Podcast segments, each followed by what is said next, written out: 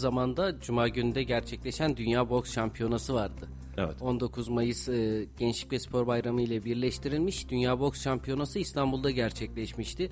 Orada da 5 tane 5 e, sporcumuz ringe çıktı ve ringde de 5'te 5 yaptık. Altın madalyaların hepsini de topladık final müsabakasında.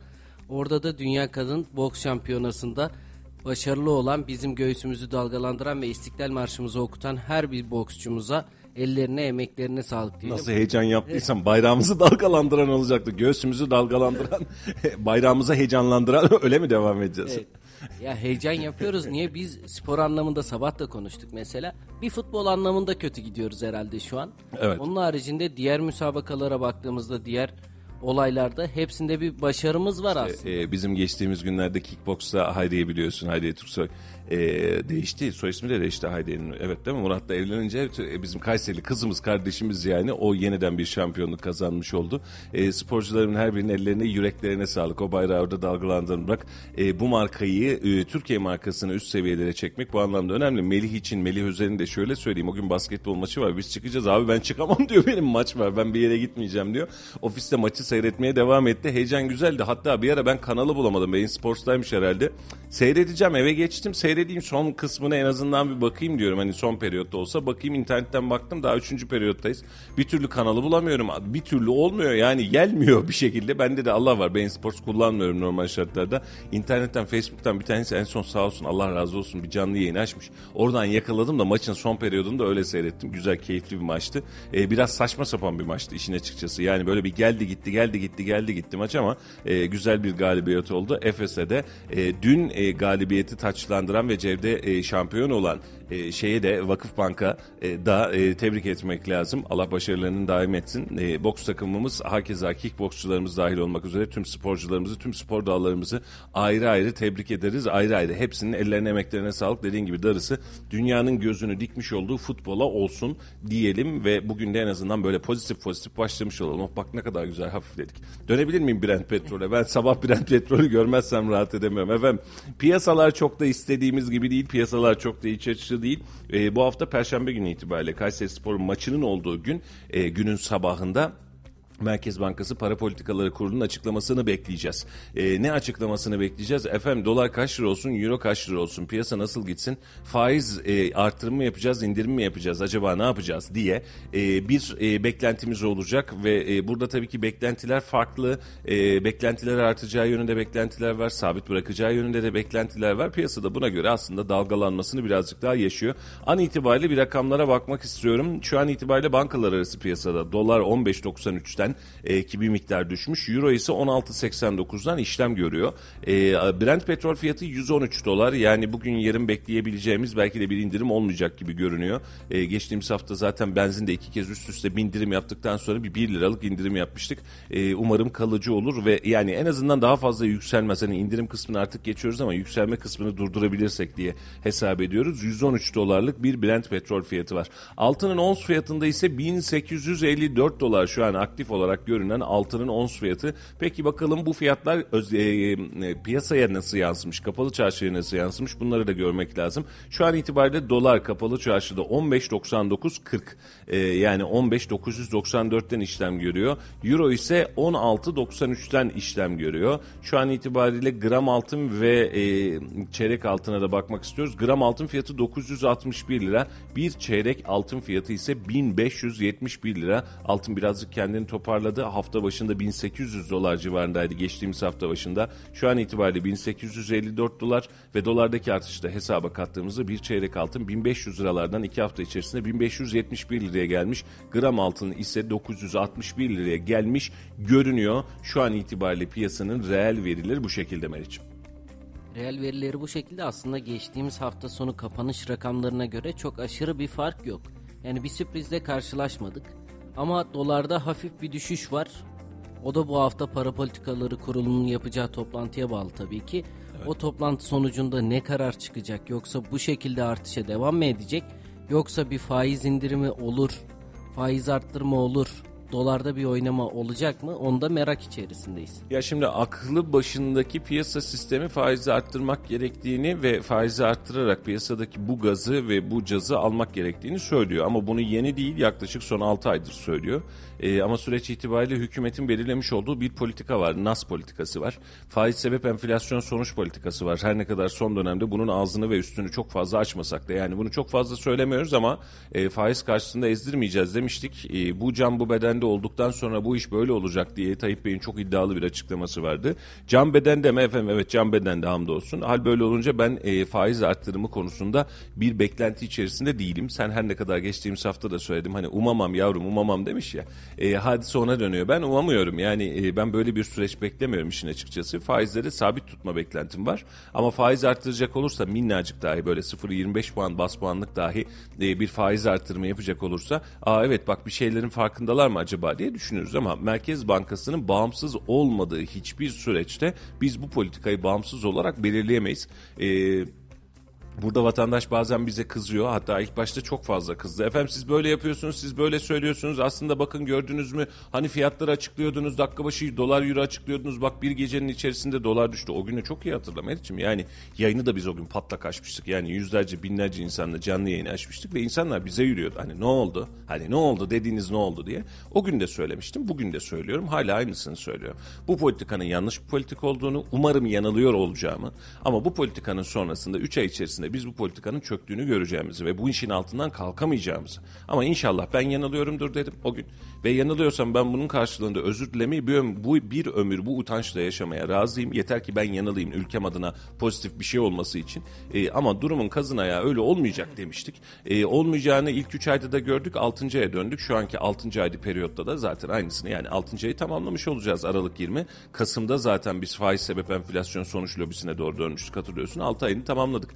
6 ay içerisinde faiz mi sebep, enflasyon mu sonuç bunu hepimiz Türk milleti olarak birebir damarlarımızda hissetmiş olduk. Bunun için ben bu anlamda artık yeniden e, ya biz tamam bir yanlış yapmışız Allah e, affetsin biz bu yanlıştan dönüyoruz beklentisi içerisinde değilim.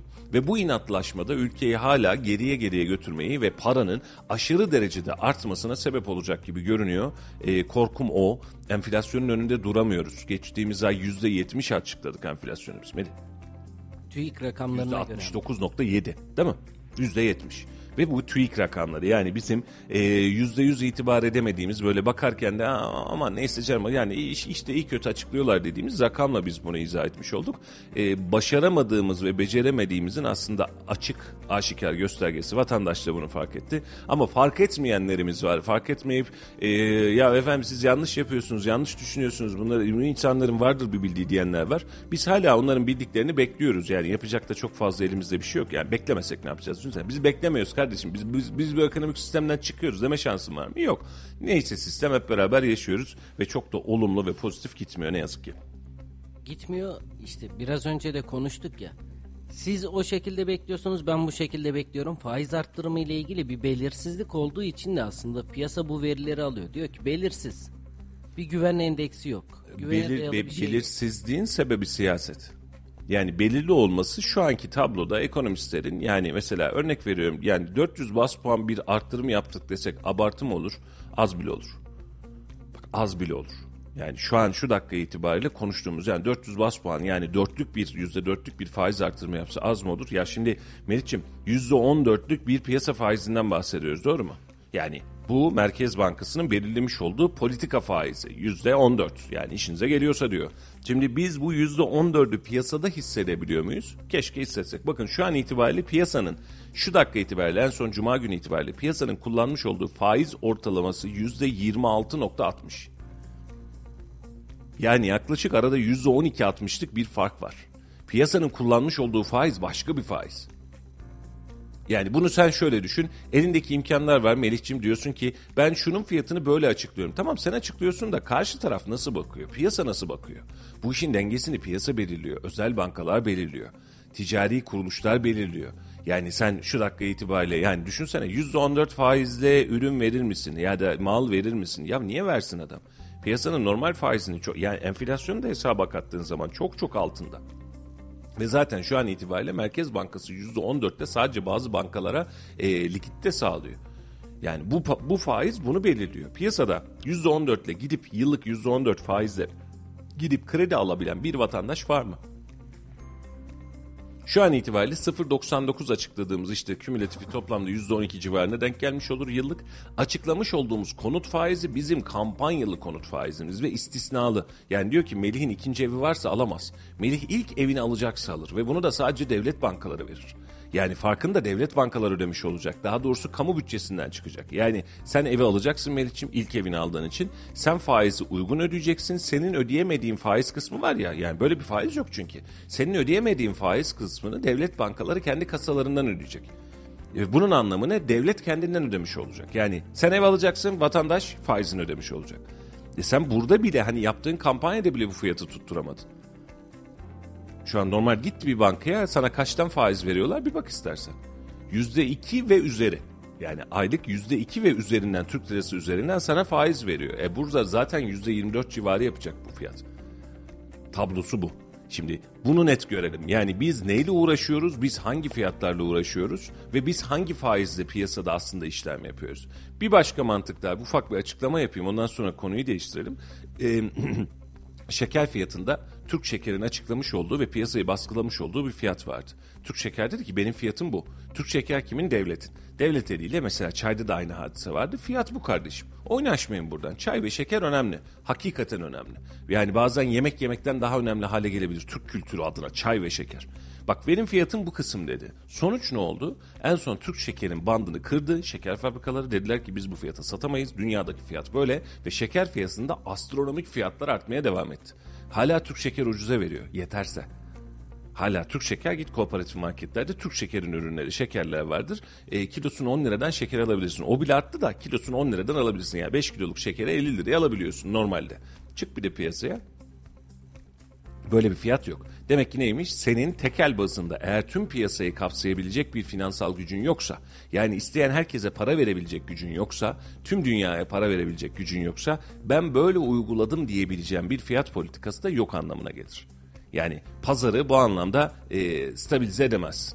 Herkes istediği fiyatı yapar. Bir başka örnekte daha gidelim. Bizim kent ekmek büfeleri kaç liradan satıyor şu an itibariyle ekmeği? Bir buçuk liradan satıyor.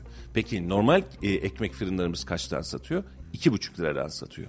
Baskıladık mı? Baskıladık. Fırınlar izin istedi. E, valilik ticaret odası ora bura fırınlar izin vermedi. Yok dedi. Hatta ve hatta dahasını söyleyeyim şu dakika itibariyle iki buçuk lira da onaylanmış fiyat değil. Bak hala onay yok ortada. Fırıncılar bildiğin inisiyatif almak zorunda kaldı. Fırıncılar diyor ki iki buçuğu boş ver 3 lira olsa mı diyeceğiz. Çünkü İstanbul'da kent ekmek 3'e satılıyor zarar ediyoruz diyor. Peki siz bir buçuk lira fiyat belirlediniz. Doğru ya piyasayı domine edeceksiniz. Kurtardı mı?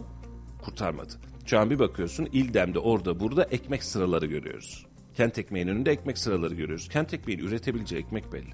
Bunu ne zaman başarırsınız? Kent ekmek tüm Kayseri'ye yetecek kadar ekmek üretir.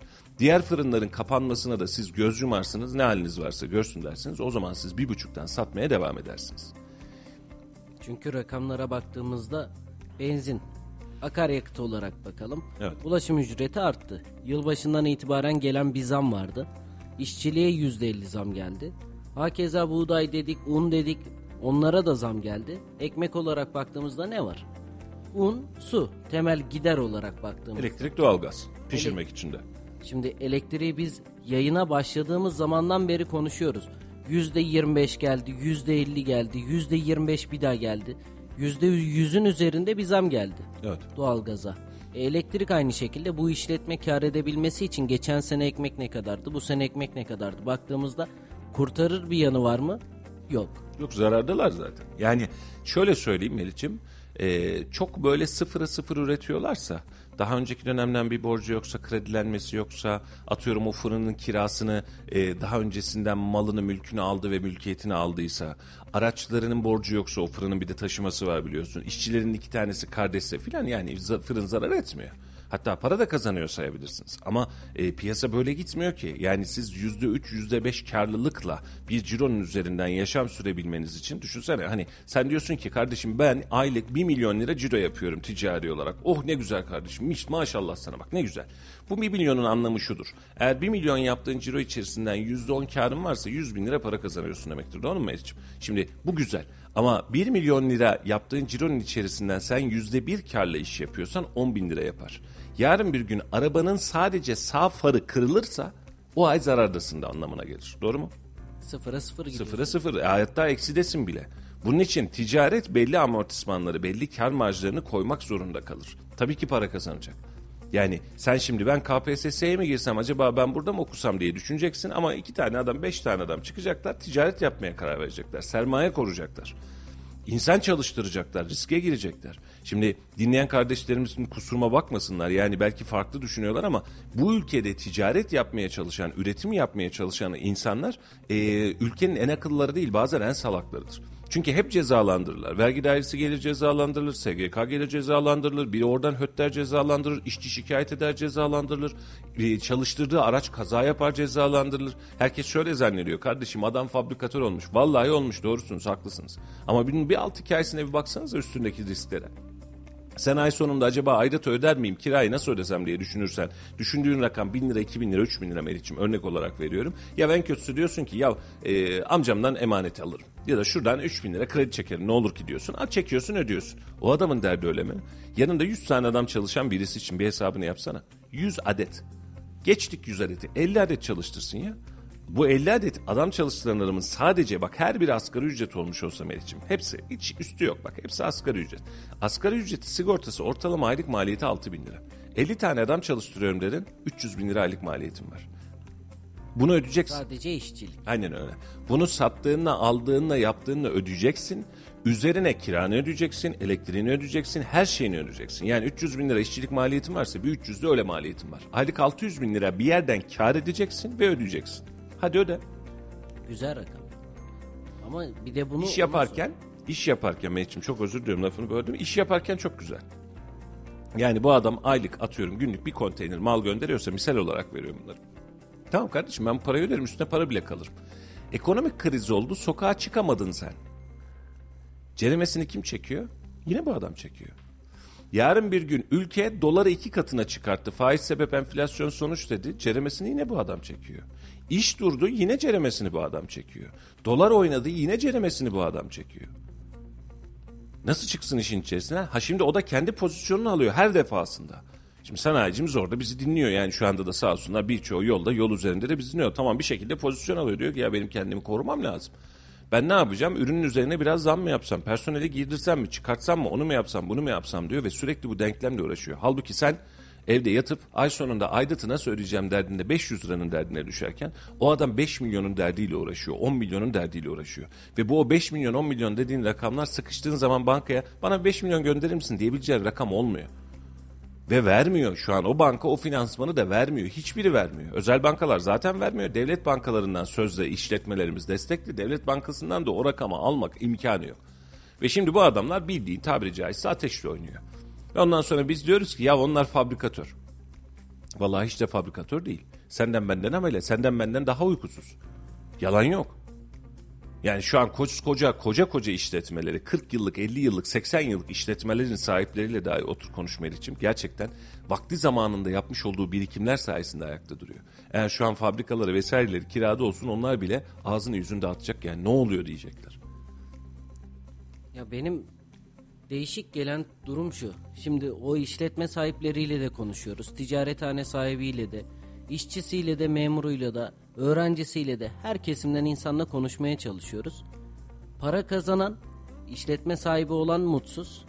Para kazanmaya çalışan işçi de mutsuz. Öğrenci de mutsuz. E farklı bakıyoruz. Bu sefer fabrikatör olarak nitelendirdiğimiz kişiler de mutsuz. Amiri de mutsuz, memuru da mutsuz. Kim mutlu? Şu an mutlu olan kimse yok. Sabah biz geldik yayın işte mutlu mutlu. En mutlusu biziz. Niye erken kalk? Aynen öyle. Maddiyat ya, olmayınca biz de mutlu olduk. Melih şimdi asgari ücretlinin, normal maaşlının halini çok iyi anlıyoruz. Bak biz aylardır yayında da bunu konuşuyoruz. Hani 4250 lirayla nasıl geçinilecek, piyasa fiyatları ne olacak? Ya bak dün yeniden arkadaşlarımla beraberdim. 1300 lira oturmuş oldukları evin kirası. 1300 lirayı önce 2000 liraya çıkartmaya çalıştı ev sahibi. 2000 lira toplamda yani toplam totalde 3 ayın içerisinde şu an 1300 lira olan kira 2800 lira oldu. Geldi çık bu hesabın içerisinden nasıl çıkabilirsin? 2800 lira. Allah'tan ki bu adam ücretli bir çalışan değil esnaf kardeşim. Kiralara ve oranlara bakar mısın lütfen? Ve sen bu adama diyeceksin ki asgari ücretle geçinmeye devam et. Ya asgari ücret olmasın adı Melih'ciğim. Şimdi asgari ücret taban maaş ya. Kardeşimiz desin ki ya ben asgari ücretle çalışmıyorum ki zaten. Yani herkes 4250 alıyor. Patron beni çok seviyor ya da işimi iyi yapıyor. Ben 6000 lira alıyorum desin. Alsın mı? Alsın. 6000 lira alsın. Hadi buyur. Yine yap hesabını. 3000 lirası kiraya gitti. Her türlü geldiği paranın hemen hemen yarısı direkt kiraya gidiyor zaten. Aynen öyle. Şimdi pazara çıkıyorsun, markete çıkıyorsun. O gün de konuştuk. İşte perşembe günü itibariyle pazar fiyatlarını yaptık. Ya neresi düşmüş diyor. Ya kardeşim salatalık düşmüş, biber düşmüş. Tamam düşmüş. Ama totalde bakmış olduğun zaman geçen yıla oranla fiyatlarına bakmış olduğun zaman bir şey düşmemiş. Aksine artmış durumda. E nasıl düşürsün çiftçi? Allah'ını seversen nasıl düşürsün? Yani boş kamyonu üzerinde sadece boş kasalarla çıkarsan Antalya'dan buraya göndersen zaten bir taban maliyeti var. Mazot fiyatı ortada. Ve senin pazara gelen fiyatında otomatik olarak artıyor. Sen pazardan alışveriş yapıyorsun. Geçtik marketi ya. Pazardan alışveriş yapıyorsun ama ucuz olsun diye. Tak oradan maliyet giriyor. E bir bakıyorsun e, markete gidiyorsun. Markette herhangi bir ürün için. Herhangi bir ürün ya. Yani deterjanda, ette, kıymada, onu da bunu da. Çıkıyorsun ortalığa. Hadi çık işin içinden. En kötü markete gittiğinde 100 lira kağıt para gibi olmadı mı artık? Yani böyle şey olmadı mı? 5 lira 10 liraya dönmedi mi? Bitti. Hüt diyor gidiyor. Normal bir market alışverişini vatandaş normalde atıyorum 400 lira 500 lirayla aylık ev alışverişini bitirebilen vatandaş şu an 400-500 lirayla bir grubun alışverişini tamamlayamıyor. E şimdi sen yine bahsedelim aynı noktaya gelelim. 6 bin lira maaş alsın bu adamcım. Yine yetmez oldu. Yine işin içinden çıkılmaz hale geldi. Elektrik faturamız durmuyor. Su faturamız önceden gözümüze görünmeyen su faturası durmuyor. İletişim faturalarımız var artık. Yani telefon faturamız var, internet faturamız var. Sen de eve internet çektirme kardeşim. Evde okula giden çocuğun olsun da sen internet çektirme hadi bakalım. Hadi çektirme. Baba öğretmenim internetten ödev göndermiş şu siteden alacakmışız dediğinde internet kafeye mi göndereceksin çocuğu? O bile kalmadı ortada. Ne yapacaksın? E bu sistemi, bu alışkanlığı bize veren zaten sistemin kendisi, hükümetin kendisi değil miydi? Biz bu alışkanlığı edindik. E şimdi ondan da vazgeç. Geçemiyorsun. Evin aidatı diyor, o geliyor geçemiyorsun. E, var mı şansın? Yok. Eşinin telefonu, kendinin telefonu, çocuğunun telefonu ya da telefon faturası. Şimdi önceki dönemde ya çocuğa telefon mu olur kardeşim ne gerek var diyebiliyordun mi? Şimdi liseye giden bir çocuğa hadi alma telefon. Hadi alma. O çok zor. Şimdi bir rakamlar geldi önüme bakınca da geçen senenin akaryakıt fiyatları tam bir yıl önce 19 Mayıs tarihiyle kıyaslamışlar. LPG 4.14, motorin 6.59, benzin 7.23. Peki şu an ne kadar rakamlar? LPG 11 lira 40 kuruş. %175 zam gelmiş. Motorin 22 lira 13 kuruş. %236 zam gelmiş.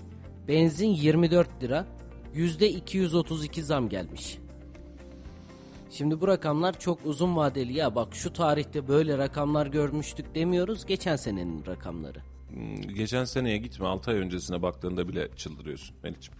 Yani bir 6 ay öncesindeki rakamlara dahi baktığında hadi ya olmuş mu bizde bu kadar diye düşünebiliyorsun. Artık bu kısmı tartışmayı daha daha doğrusu konuşmaya geçelim. Şöyle ki e, vatandaş rakamlara haiz. Vatandaş rakamların nereden nereye çıktığını biliyor. Geçimin ne kadar zor olduğunu biliyor.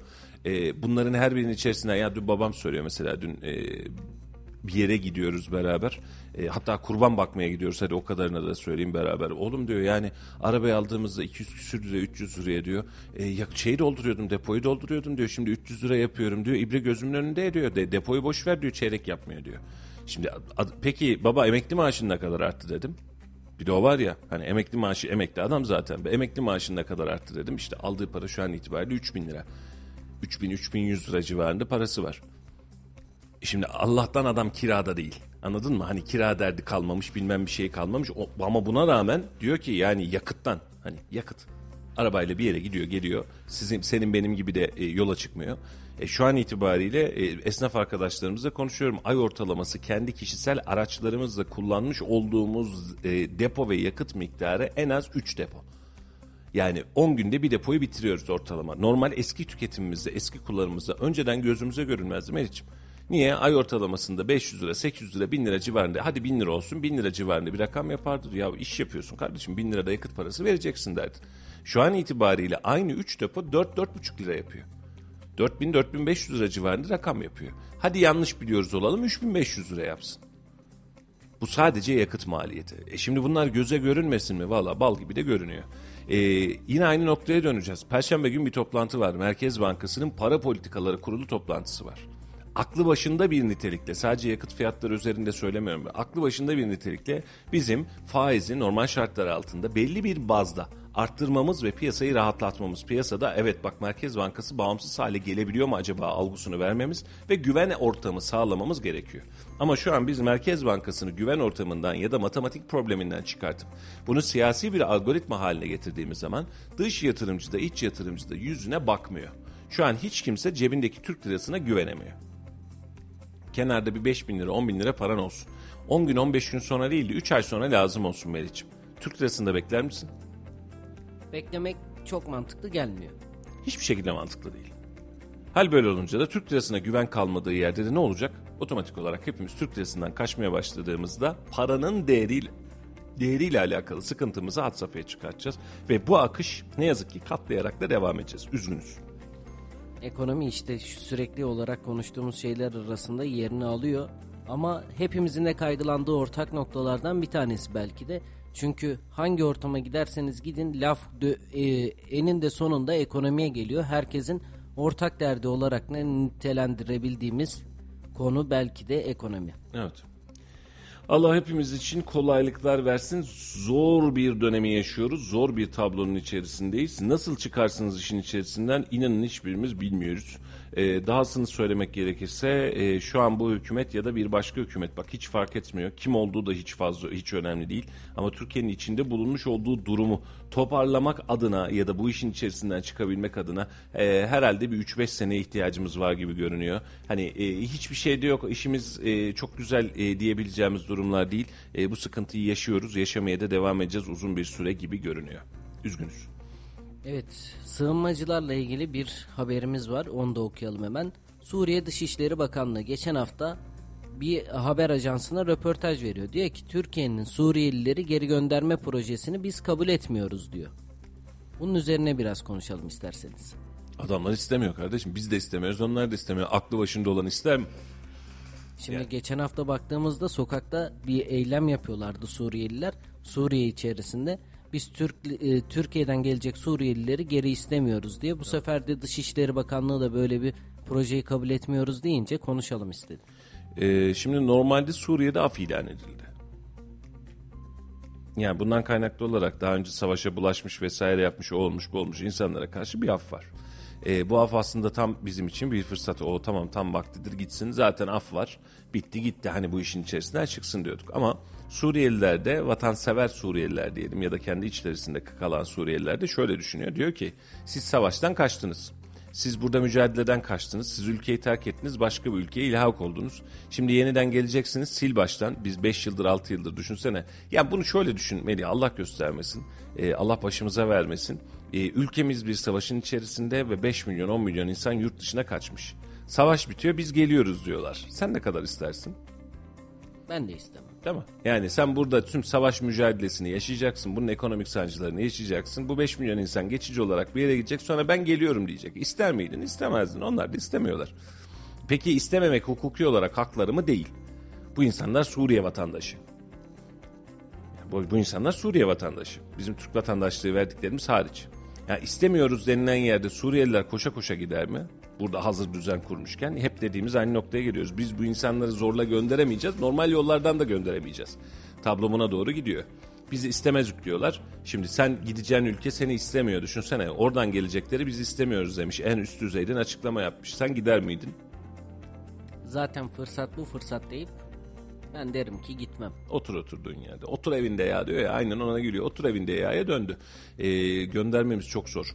Bu politikanın en temel sorunu şu. Gurbet, e, gurbetçi diyorum çok özür dilerim. Göçmenlerle alakalı, e, Suriyelilerle alakalı, Afganlarla alakalı en temel politikamız şu.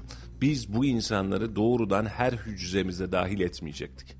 Biz bu insanları belli bölgelerde kendi içlerinde tutacaktık. Ee, ülkenin tüm sınırlarının içerisinde bu insanların çok rahatlıkla hareket etmesine, ticaret yapmasına bir miktar engel olacaktık. Tamam geldin misafirsin anladım. Ben de seni besliyorum. Bunu da anladım.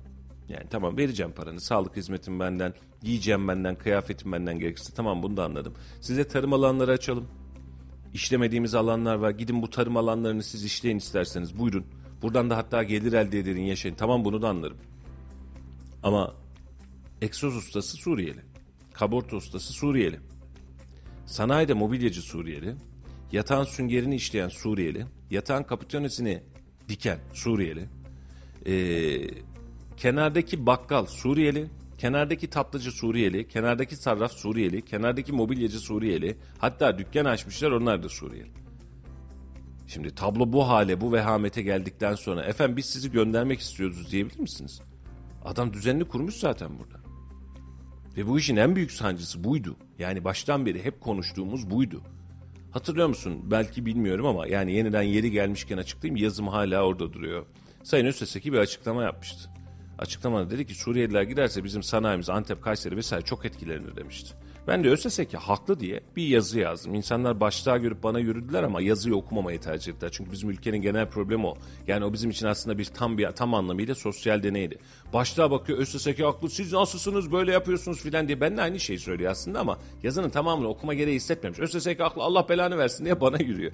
Şimdi e, o da bir sosyal deneydi ayrı bir hadise. Haklı olduğu sebep şuydu. Evet insan bu insanları bu kadar içimize aldığımızda ki o zaman bu, bu kadar enflasyon yoktu. Yazı orada hala Kayseri Millet'ten insanlar okuyabilir.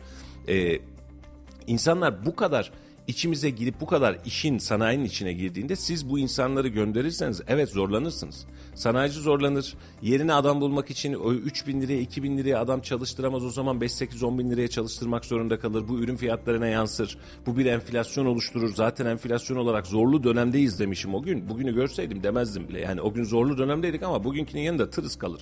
Yani %15 %20 Suriyeliler gidecek diye enflasyon varmış. E hiç problem değil. Yani insanlar için de problem değil.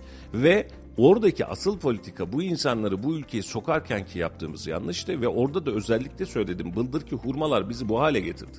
Yani bugün itibariyle baktığımızda evet burada bir problem var diyebilecek hale geliyoruz. Bu politikayı başladığımız gün biz bu sesi söylemek zorundaydık. Bu sesi vermek zorundaydık.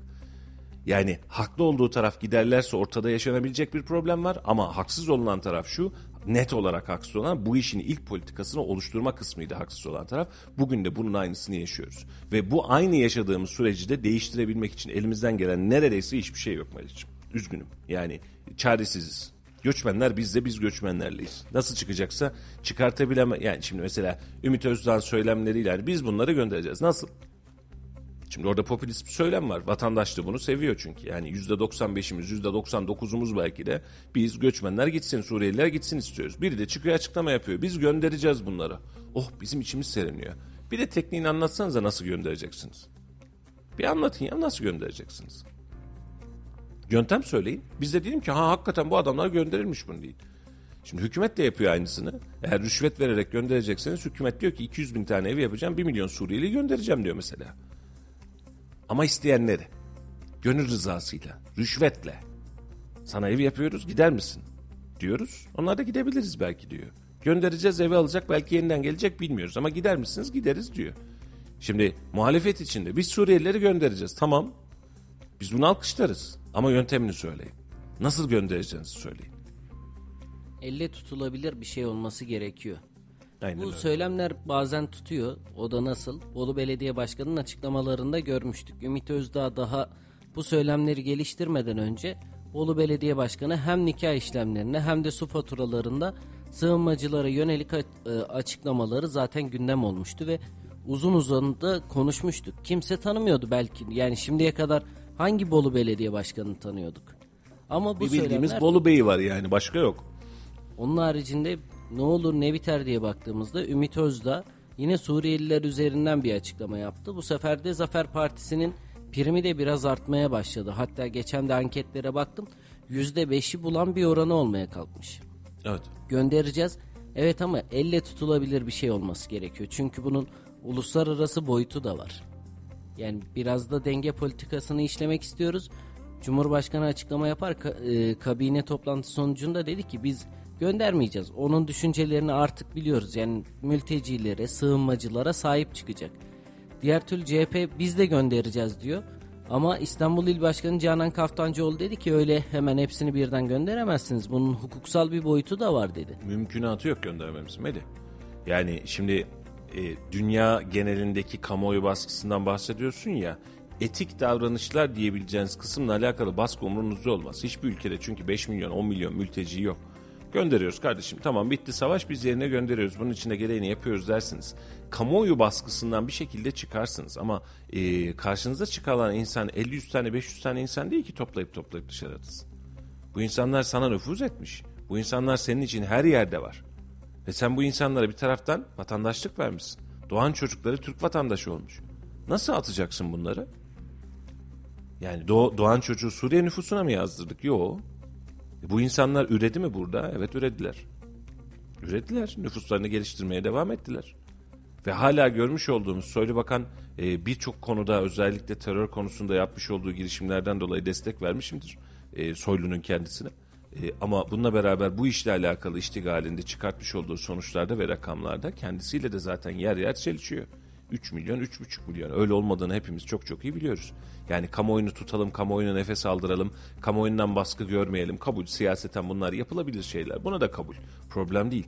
Ee, ama tabloya bir bak. Ülkedeki yani Kayseri'de 70 bin tane 80 bin, 78 bin mi neydi en son? 80 bin tane Suriyeli var. İnandırıcı geliyor mu sana? Şimdi nereden baktığımıza da bağlı aslında. Sahabiye'den bak. Sahabiye'den bakıyorsak çok fazla inandırıcı Aydınlık gelmiyor. evlerden bak. Oradan da gel. Eskişehir bağlarından bak. Argıncık'tan bak. ilçelerden bak. İlçelere kadar var. Bu insanlar var alanda.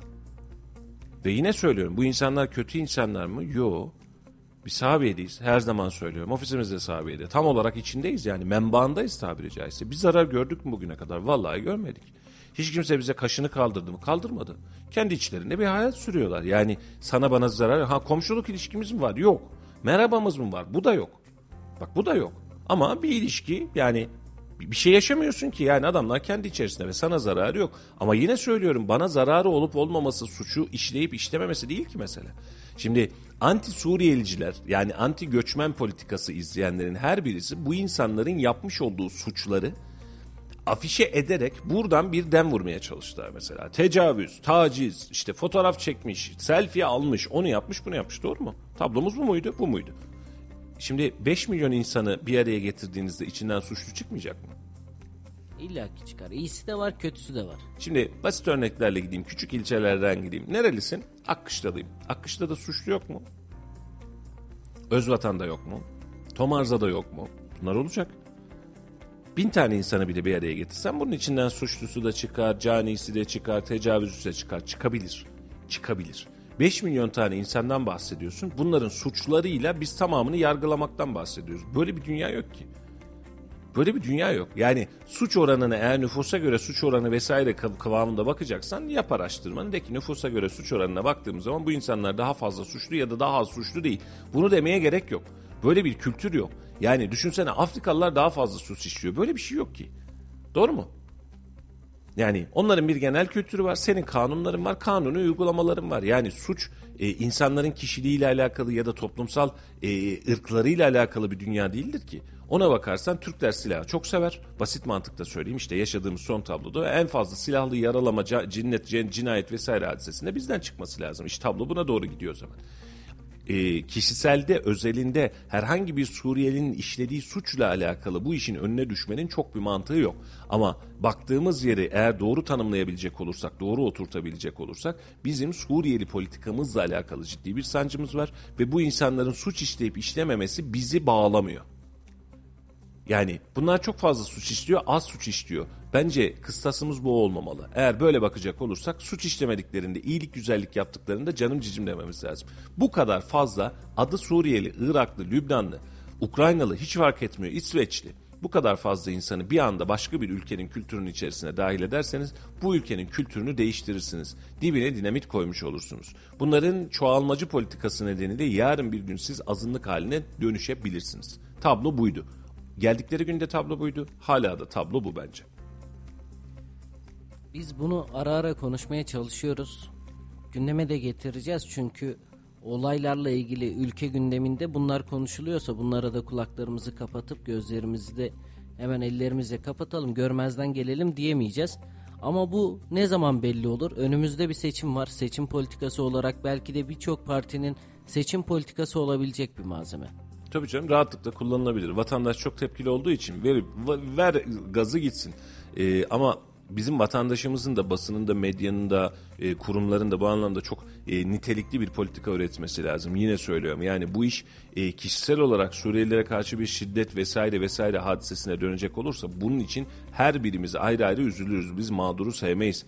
Kimseyi mağdur etmek de istemeyiz. Bizim dinimizde de, milletimizde de, kültürümüzde de böyle bir dünya yok.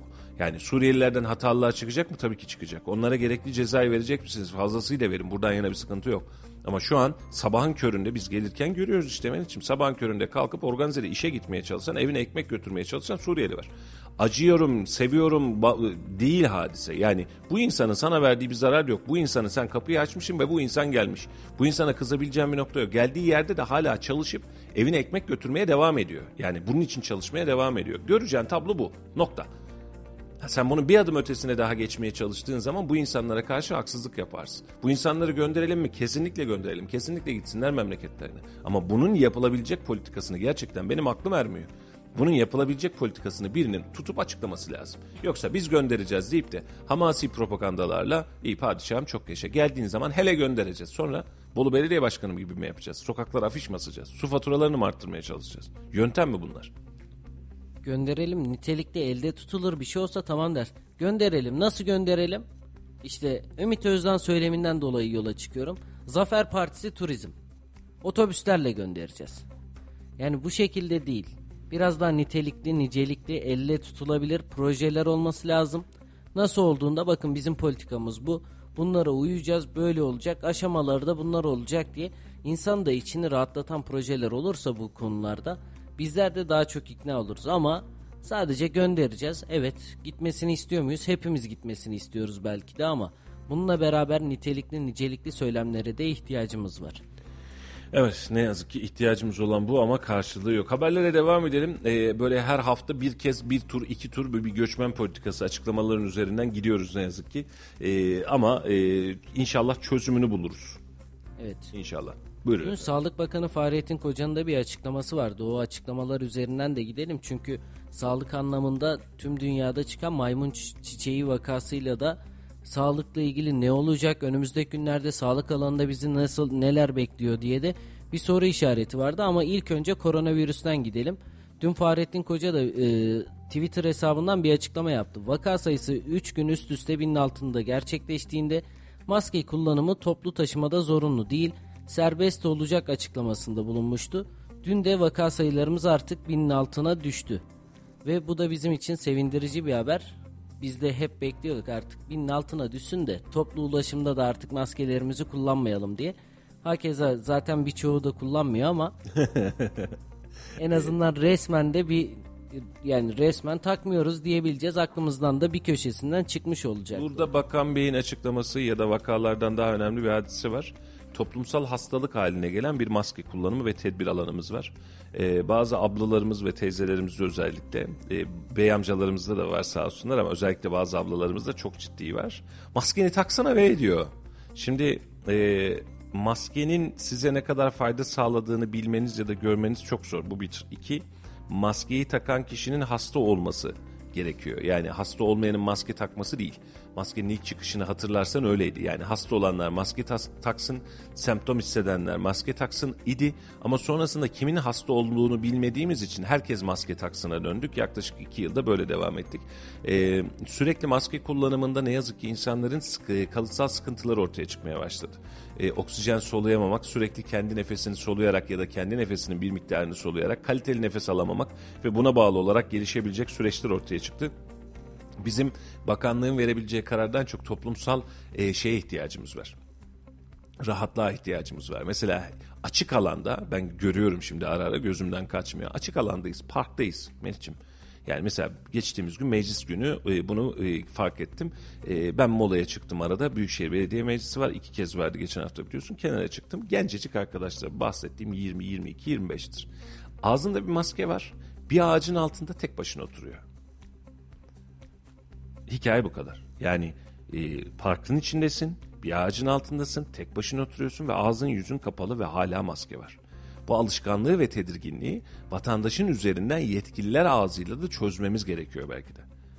Yani bana garip geliyor zihnim yandı. Yani hani tek başına değilsin kalabalıkta oturursun kendini hasta hissediyorsundur takarsın. Hani yanında üç kişi olmuş olsaydı Melih derdim ki ya demek ki kendini rahatsız hissediyor bugün ya da bir semptomu var ya da bir şey var bundan dolayı takmış. Gayet normal bak hiç sıkıntı yok. Ama ağızda maske var. E şimdi ablama bakıyorum yolda yürüyüş yapıyor. Tek başına kaldırımda yürüyüş yapıyor. E, diğer insanlarla ne kadar yakın olabilirsin ki mesela değil mi? Ağzında maske var. Bizim maskeyi iki yılda oturttuğumuz maskeyi toplumun tüm alanından nüfuz, et, nüfuz ettiği alandan çıkartmamız için belli bir miktar daha zamana ihtiyacımız var. Dostane söylüyorum bunu. Ee, maske takmak sizi şu an itibariyle eğer hasta değilseniz yani kendinizi hasta hissetmiyorsanız, semptomlu hissetmiyorsanız bunun için zorlamanın çok bir anlamı kalmıyor. Uzmanlar da böyle söylüyor ama kendinize bir semptom hissediyorsanız ben rahatsız gibiyim, bugün bir kırgınlık var üstümde, sırtım ağrıyor, öksürüyorum diyorsanız takın burada problem yok. Ama taktığınız yeri de işte toplu alanlara girerken, kalabalık alanlara girerken bunu yapın. Sürekli olarak o maskeyi takmakta size ayrı bir zarar veriyor. Bunun da hesabını yapmak lazım. Ee, bakanlık tamam kardeşim maskeyi kaldırdım dese de kazın ayağı çok öyle olacak gibi görmüyor Meriç'im. Çünkü iki yıllık bir süreden bahsediyoruz. Bu iki yıllık süre artık bize maske kullanımıydı, dezenfektan bu tür olayları fazlasıyla nasıl diyelim alışkanlık haline de geldi aslında. Evet. Şimdi vatandaşlar ne kadar yetkililer evet çıkartabiliriz artık. Mesela dün Fahrettin Koca da demiş 905 3 gün üst üste toplu ulaşımda kalkması serbest olacak dediğimizde herkes birden çıkartıp maskeleri atacak mı? Atmayacak. Yok o alışkanlık hadisesi ama zorunlu bırakmamak da lazım artık. Yani oradan Tabii da sıkıldık ona binemezsin bunu yapamazsın şuradan çıkamazsın. Ee, geçtiğimiz günlerde sosyal medyada öyle bir e, videoya denk geldim. E, çok haklı bir serzeniş diyor ki ya bunun yüzünden işinden olan insanlar var. Bu maskeyi takmayacağız, bu aşıyı yaptırmayacağız diye işinden olan, gücünden olan, soyutlanan, disiplin cezası uygulanan insanlar var diyor. Haklı mı? Haklı. Ee, şimdi de maymun çiçeği miydi? Evet, maymun, maymun çiçeği da diye bir, bir sendrom ortaya çıkartmış olduk. Bir başka korku imparatorluğu daha kurulmaya çalışıyor. Ee, özellikle ricamdır vatandaşlarımızdan, kardeşlerimizden bu kadar tedirgin olmamak lazım. Ee, birazcık rahat davranmak lazım. Ee, ne gelirse Rabbimden de demek lazım. Biraz böyle bakmak lazım. Kişisel temizliğimize, hijyenimize hastalık olsun olmasın, virüs olsun olmasın dikkat etmek lazım. Ee, şapur şupur her şeyi elimize dokunup ondan sonra ağzımıza, yüzümüze, gözümüze götürmemek lazım. Ee, insanlarla teması bu anlamda bir miktar daha nitelikli tutmak lazım.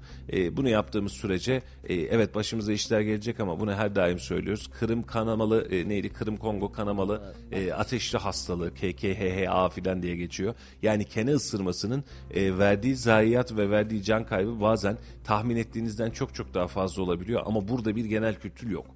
Yani biz hala mesela bunu da e, kendi içimizde de belki düzenlememiz lazım. Hatta bu yıl uzmanların açıklaması birazcık daha şey e, daha ölümcül hale gelebiliyormuş. Kene ısırmalarıyla alakalı yaşanabilecek sıkıntılar.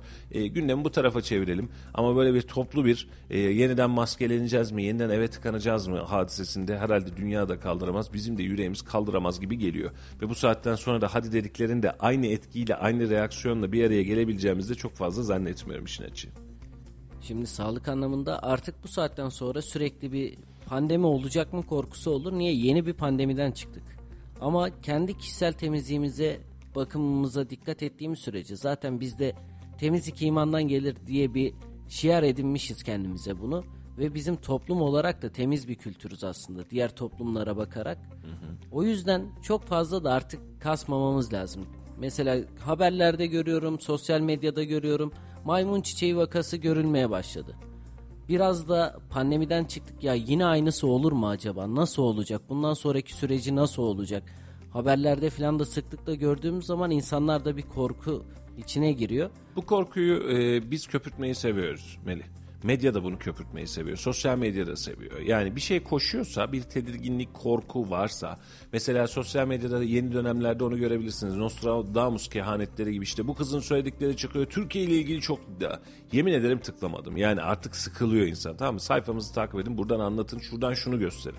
Şimdi e, maymun çiçeği ile alakalı bizim arkadaşlar bir infografik hazırlamışlar. Demişler ki nedir?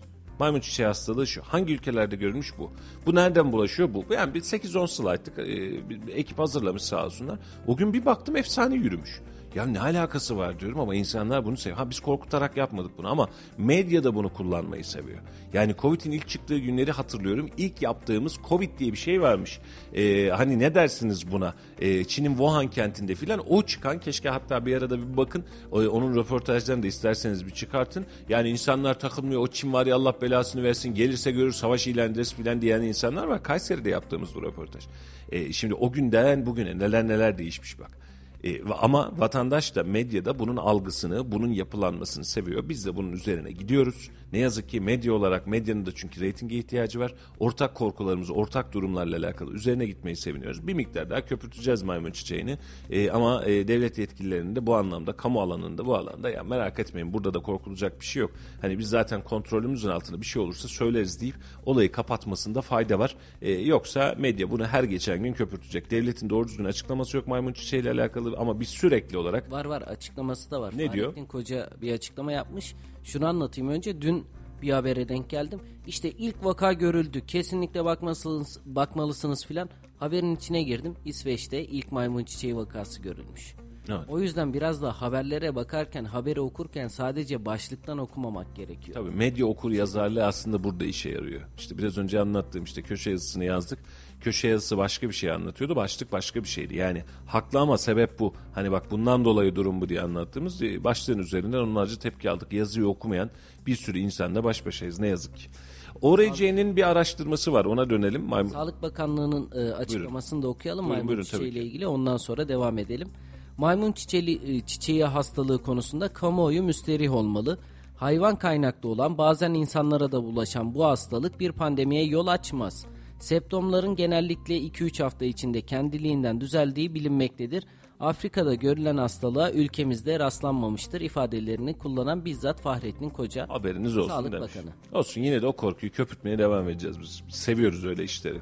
E, ORC araştırma Mayıs'ta bir anket yapmış. E, Mayıs 2022 tarihli. Bu pazar seçim olsa hangi partiye oy verirsiniz diye bir soru sormuş. Rakamlar çok ilginç. E, üzerinden hafif geçmek istiyorum. E, anket ve araştırma firmalarının e, araştırmalarına %100 güvenmemekle beraber bir ortalama verdiği için e, ben bu anlamda e, mantıklı buluyorum. Hatta geçen e, Ramazan'ın içerisinde e, Şaban Başkan'la değil mi? Evet Şaban Çopuroğlu ile yaptığımız programda kendisine de iletmiştim. E, bizim e, anketlerin ortalamasını belki de almamız gerekiyor. Yani ne yapacağız, ne edeceğiz diye bir anket ortalaması almamız lazım. Mesela Şaban Bey'e ben göndermiştim bu anketi. Şimdi önce şunu okuyayım ondan sonra onu geçeyim. ORC araştırma AK Parti'yi %28, CHP'yi %24.1, İyi Parti'yi 18.4, HDP'yi 8.7, MHP'yi 7.2, Demokrasi ve Atılım %2, Gelecek Partisi %2.1, %9.5'da diğer partiler olarak saymış. Ee, ilginç tablo AK Parti'nin %28 yani %32-35 bandı diye tahmin ediliyordu son dönemlerde. Bunun %28'e düşmüş olması. CHP'de aslında çok kalıtsal bir değişiklik yok. %24.1. İyi Parti oy oranını fazlasıyla arttırmış görünüyor. %18.4. Ee, HDP %8.7. HDP'nin aslında şu anki görünen tabloda da normal oy oranına göre bir miktar daha düşüş var. MHP %7.2. Burada da bir kayıp var. Ee, diğer partiler e, işte Demokrasi Parti, Demokrasi ve Atılım Partisi, Gelecek Partisi %2'ler civarında. Diğer partilerde %9.5 civarında kalmış görünüyor. Şimdi o anketi e, Şaban Çopuroğlu ile de paylaşmış olduğum anketi özellikle geçmek istiyorum. Bu bahsettiğim e, neresine aitmiş e, tam hatırlayayım. O, bu da Mart ve Nisan ayında yapılan bir anket. Ama bu anketin özelliği şu Melih'ciğim. E, 12 tane anket firmasının anketlerini almış ve ortalamasını almış. Yani bu matematiksel bir bakış açısı. Yani en fazla diyen en az diyen hani birileri birini abartıyor, birileri birini abartıyor. Ortalamasını yaparsan hepsi birbirini tutturuyor olmuş. İçinde metropoli var mı bu 12'nin? E, hemen bakayım var. Tamam. Mesela e, bu neyin anketiymiş? ORC'ninki. E, ORC'nin değil mi? Evet. ORC. Bir saniye. Şu Instagram yayınımız e, tükenmiş. Bir hemen onu bir ta- takip etmek istiyorum. ORC var mı diye uğrayıp bakacağım. Yok. Neyse e, şey ayı için e, söyleyelim. E, Mart ve Nisan ayı için e, yapılan anketler ve bunu birleştirerek geçmiş. E, burada AK Parti'nin oyu %31.7 çıkmış ortalaması. CHP'nin oyu %26.3 çıkmış. E, buradaki çıkan. İyi Parti'nin oyu %13.9, MHP %8, HDP ise 10.4 çıkmış. Bu da dediğim gibi Mart ve Nisan ayında 12 tane farklı anket firmasının ortalaması olarak yapılan araştırma. E, buradaki çıkan tablo da bu. Şu an ORC'nin araştırmasında da %28 AKP, %24.1 CHP, 18.4 İyi Parti, 8.7 HDP, 7.2 de MHP olarak karşımıza çıkmış. Tablo bu. Bu anketler önemli artık seçim safhasına da dönmüş bulunuyoruz. Yaklaşık hemen hemen bir sene kaldı. Önümüzdeki sene 2023 seçimleri Haziran ayında olacak desek bu saatten sonra fazlasıyla siyasi partileri sokakta daha çok göreceğiz. En azından mitinglerle vesaire. Bu pazar seçim olsa sanki bütün partiler kendi hazırlığını içinde yapmış gibi. Hazırlıkları var, sahada görüyoruz. En Gelelim mitinglere değil mi? Aa, bir de koca koca mitingler yaptık. Hafta sonu canlıydı. Ee, Adana'da gençlik şöleni yaptı AK Parti. İstanbul'da da e, CHP'nin yaptığı neydi? Maltepe'deki yaptığı. Milletin Sesi mitingi. Milletin Sesi mitingiydi. İki farklı miting denemesi yapıldı. Ee, biri İstanbul'daydı ki bence e, İstanbul'daki hadise birazcık şeydi, e, tatlıydı. Şöyle tatlıydı. Çok ciddi bir kalabalık vardı ama başka bir tatlılık vardı. Onu özellikle geçmek istiyorum. E, İstanbul'da Kemal Kılıçdaroğlu ben buradayım dedi e, bence önemli nitelik buydu. Yani miting alanındaki görseller, afişler dahil olmak üzere ben buradayım kardeşim ne istiyorsanız buyurun gelin Hordi Meydan dediğim mitingde. Hani hep konuşuyoruz ya e, şey kim olacak? E, sen söyle adını e, aday kim olacak, CHP'nin içerisinden kim çıkacak, İmamoğlu mu, Mansur mu, Kemal Kılıçdaroğlu istiyor ne olacak filan diye yapılan görsellerle de e, yapılan açıklamalarla Kılıçdaroğlu ben buradayım dedi e, ve bu mitingi toplayarak da kendi gövde gösterisini yapmış oldu. E, her ne kadar İmamoğlu, Mansur Yavaş vesaire herkes de katıldı aslında bu mitinge ama kalabalık bir mitingdi. Bahar başlangıcında ilginç bir mitingdi, kalabalığı yoğun bir mitingdi. Aynı zamanda Adana'da yapılan gençlik şöleninde de AK Parti'nin bu anlamda bir yoğunluğu var vardı. Orada da fena olmayan bir kalabalık vardı. Ama Adana'daki yapılan uygulamanın en temel özelliği mesela Kayseri'den de Konya'dan da vesaireden de bölgeden giden çok fazla insan vardı. Ki bunlardan da ne yazık ki bir üzücü haberi de e, Konya'ya giden yolcuların Niğde tarafında e, taşıyan otobüsün, öğrencileri taşıyan otobüsün kaza yapmasıyla 3 e, can kaybı ve 40 küsür civarında da e, yaralıyla karşılaştığımız bir kazayla sonuçlandı ne yazık ki. E, ama şu dakika itibariyle seçim mitingleri başlamıştır söyleyebilir miyiz derseniz evet hafta sonu itibariyle Haziran'ı kimse beklemedi. Bu hafta sonu itibariyle havanın güzelliğiyle beraber bence seçim mitingleri başlamış oldu derim. Ki önemliydi ben CHP'nin mitingi bu kadar kalabalık, kalabalık olacağını aslında düşünmüyordum. Ne yalan söyleyeyim. Ama ciddi bir katılım vardı. Cumhuriyet Halk Partisi e, oradan da farklı şehirlerden illaki her mitinglere farklı şehirlerden gidiyorlar ama AK Parti'ninki biraz daha gençlik şöleni olduğu için 81 ilden gelen gençler de vardı. O anlamda Cumhurbaşkanı Erdoğan da konuştu. Bir miting havası vardı. Ne kadar biz bunun adına gençlik şöleni desek de startı verdiler mi? Evet bence verilmiş oldu. Tüm partiler için önümüzdeki günlerde daha sık görür müyüz? Bence görürüz. Çok net bir start. Yani çok net iki parti içinde çok net bir start olmuş oldu. Biri gençlerle başladı, biri İstanbul'dan başlamış oldu. Ee, çok e, kızışmış bir halde geçecek. Yani mevzu buna doğru gidiyor. Yani çok böyle hız, e, hızlı meydanların dolduğu belli bir süre sonrasında güçleri yavaşlamaya başlayınca ki içeride bu tartışmalar da olacak. E, diyecekler ki ya meydanlarda biz bu kadar maliyet yapıyoruz. insanlar geliyor gidiyor azap oluyor sıcak geldi vesaire yaptı ne yapalım biz bu kadar meydana ihtiyacımız yok. Dijital medya var haberlerimiz var vesaire var diyecekler.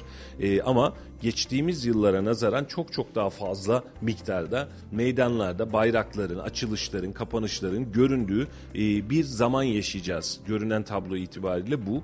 E, çok seçim havası gibi mi değil ama çok fazla açılış, çok fazla organizasyon, çok fazla miting, çok fazla toplu açılış töreni, çok fazla başka bir şey. Bunların her birini görmüş olacağız Mehmetciğim. Yani tablo buna dönüyor.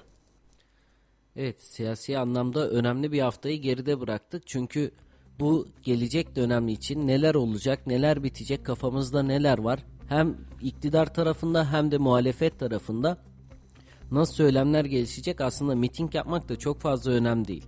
Mitingin içeriğinde neler konuşuluyor bu da çok önemli çünkü CHP'nin mitingini de takip ettim. Öncesinde neler var, sonrasında neler olacak diye.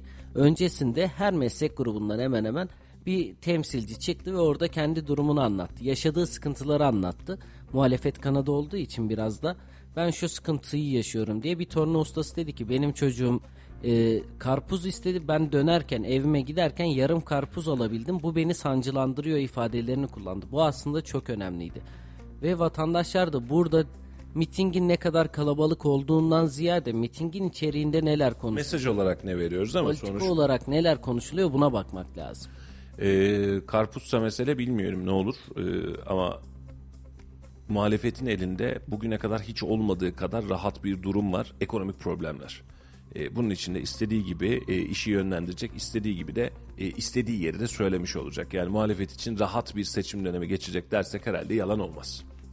Rahat geçecek ama e, geçen haftalarda da biz bu konuyu çok fazla konuştuk. Evet ekonomik anlamda bir sıkıntı var mı? Var. Diğer konularda sıkıntı yaşanıyor mu? Yaşanıyor ama illaki bu vatandaşlar gidip de CHP gelsin artık yeter bunları değiştirelim. E, ana muhalefeti iktidar yapalım düşüncesinde değiller. O yüzden çok fazla çalışmaları lazım. Politikalarını, söylemlerini üretmeleri lazım.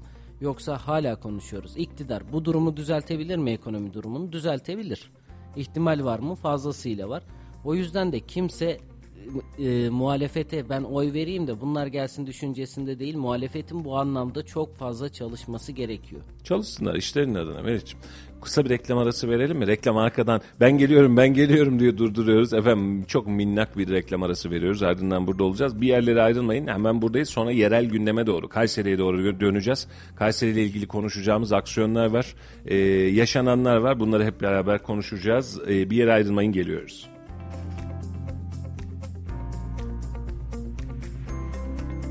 Şimdi reklamlar. Sen de hayatı meysu meysu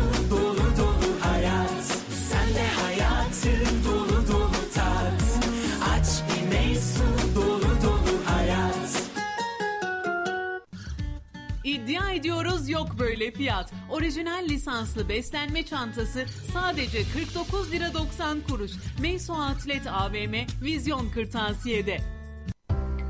Neotek, kurumsal çözümler. Binalarınız için merkezi uydu sistemleri, görüntülü diyafon, işletmeleriniz için güvenlik kamerası, hırsız alarm sistemleri. Gözünüz arkada kalmasın. Adres Sahabiye Mahallesi, Örnek İş Merkezi, kat 4, numara 404. Telefon 0352 220 44 33. Büyük yarışa hazır mısın? Koca Sinan Belediyesi'nden ödüllü satranç yarışması. Haydi hamle sırası şimdi sende. İlkokullar arası satranç takım turnuvası başlıyor. 25-26 Mayıs tarihleri arasında Kadir Has Kongre Merkezi'nde yarışmacıların çeşitli hediyelerle ödüllendirileceği turnuva seni bekliyor. Katıl ve kazan. Son başvuru tarihi 23 Mayıs 2022. Detaylı bilgi için 0554 797 52 65. Kayıt için www.kayseri.tsf.org.tr. Blender'ım Stillers, çay makinem Stillers, cezvem Stillers, tost makinem Stillers. Stillers, 30 yıllık tecrübeyle Özerpan diyor ki pencerenin %75'i camdan oluşur. Bu yüzden yalıtım camda başlar. Isı cam, sinerji ve ısı cam konfor serisi camlar üstün Özerpan üretim teknolojisi ve kalitesiyle 10 yıl garantili ve ömür boyu yalıtımlı. Camcınızdan Özerpan garanti belgesini istemeyi unutmayın. Cama konacak en doğru marka Özerpan. Alo ısı cam hattı 444 62 30. Özerpan. Kelepçeler, setler, kolyeler, pırlantalar, altın ve döviz en iyi fiyata İhsan Mücevherat'ta. İhsan Mücevherat, Kazancılar Çarşısı, Katrancılar Sokak'ta. Reklamları dinlediniz.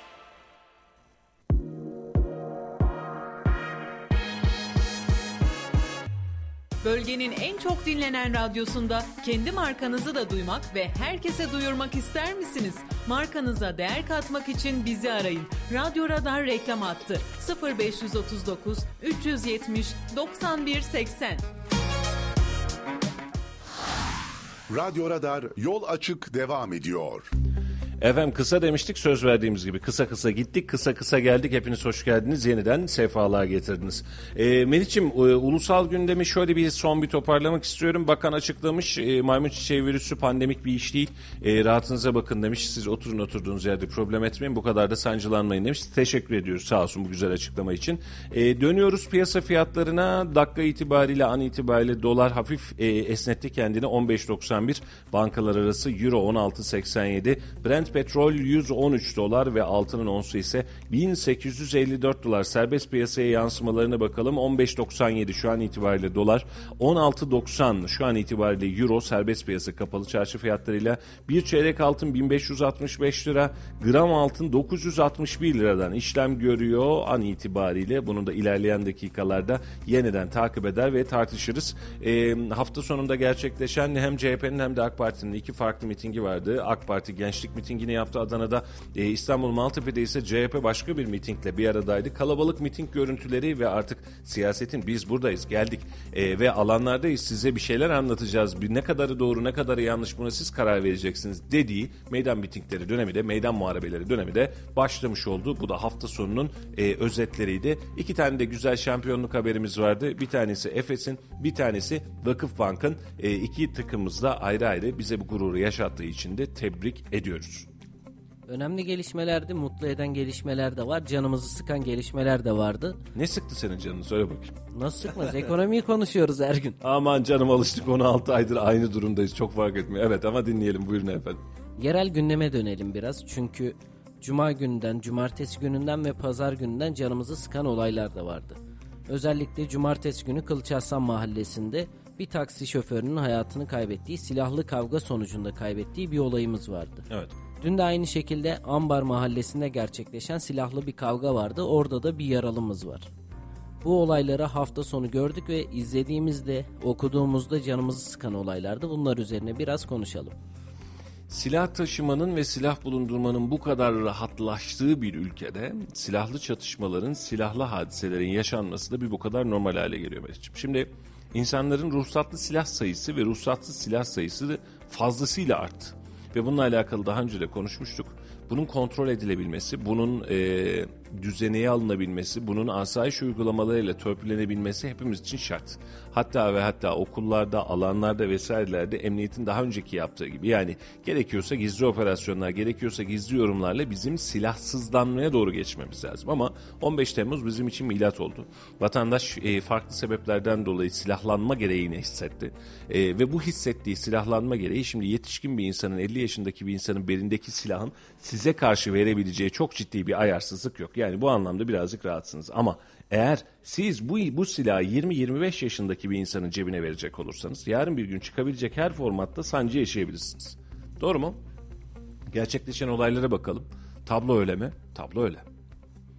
Şimdi Kılcarslan'daki e, yaşadığımız hadisede de aynı durum var. Yani mesela babasıyla atışıyor, taksi şoförü e, ta, e, kendi taksileri var ve şoför bakıyor. Şoför ileri geri muhabbet oluyor para pul hadisesinden çocuk geliyor sen nasıl bunu söylersin diyor çekiyor vuruyor ve kafasından vuruyor.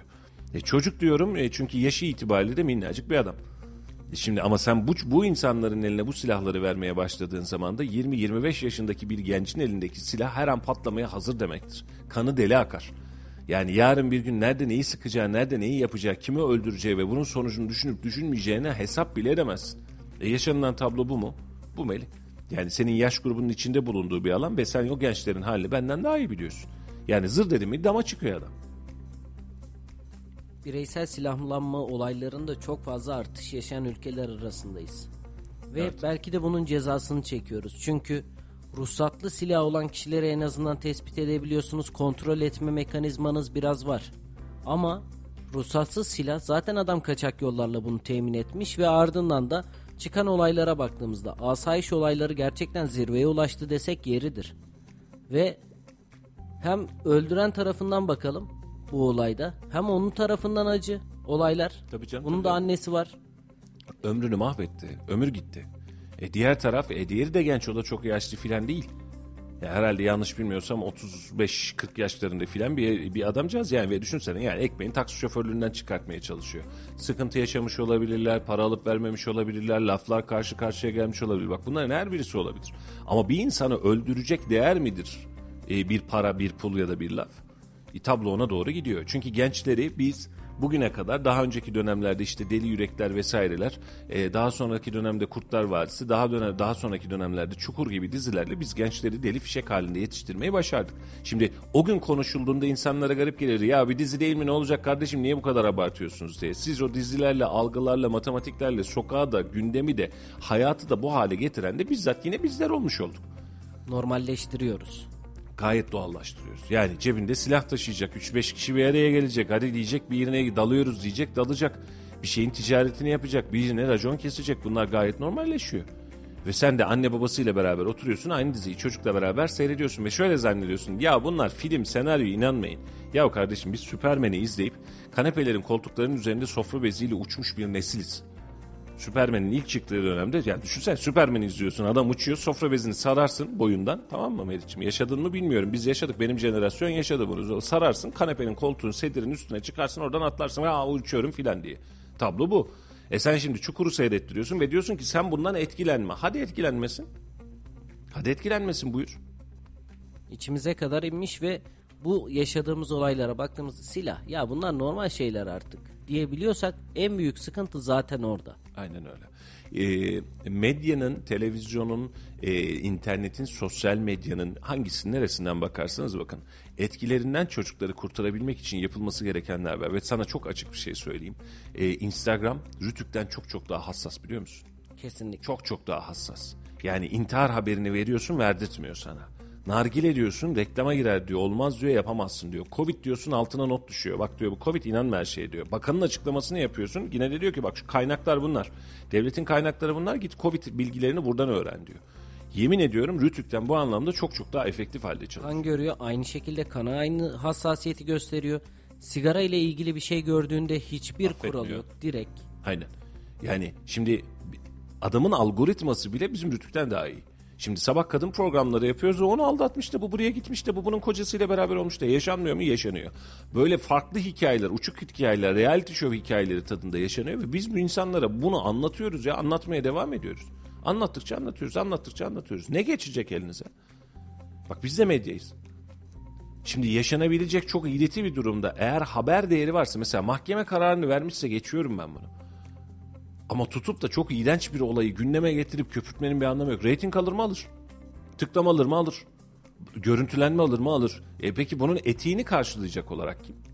Etiği kim karşılayacak bunun? Bir de bunun ahlaki boyutu var. Yani gece kafanıza yastığa kafayı koyduğumuz zaman rahat mıyız?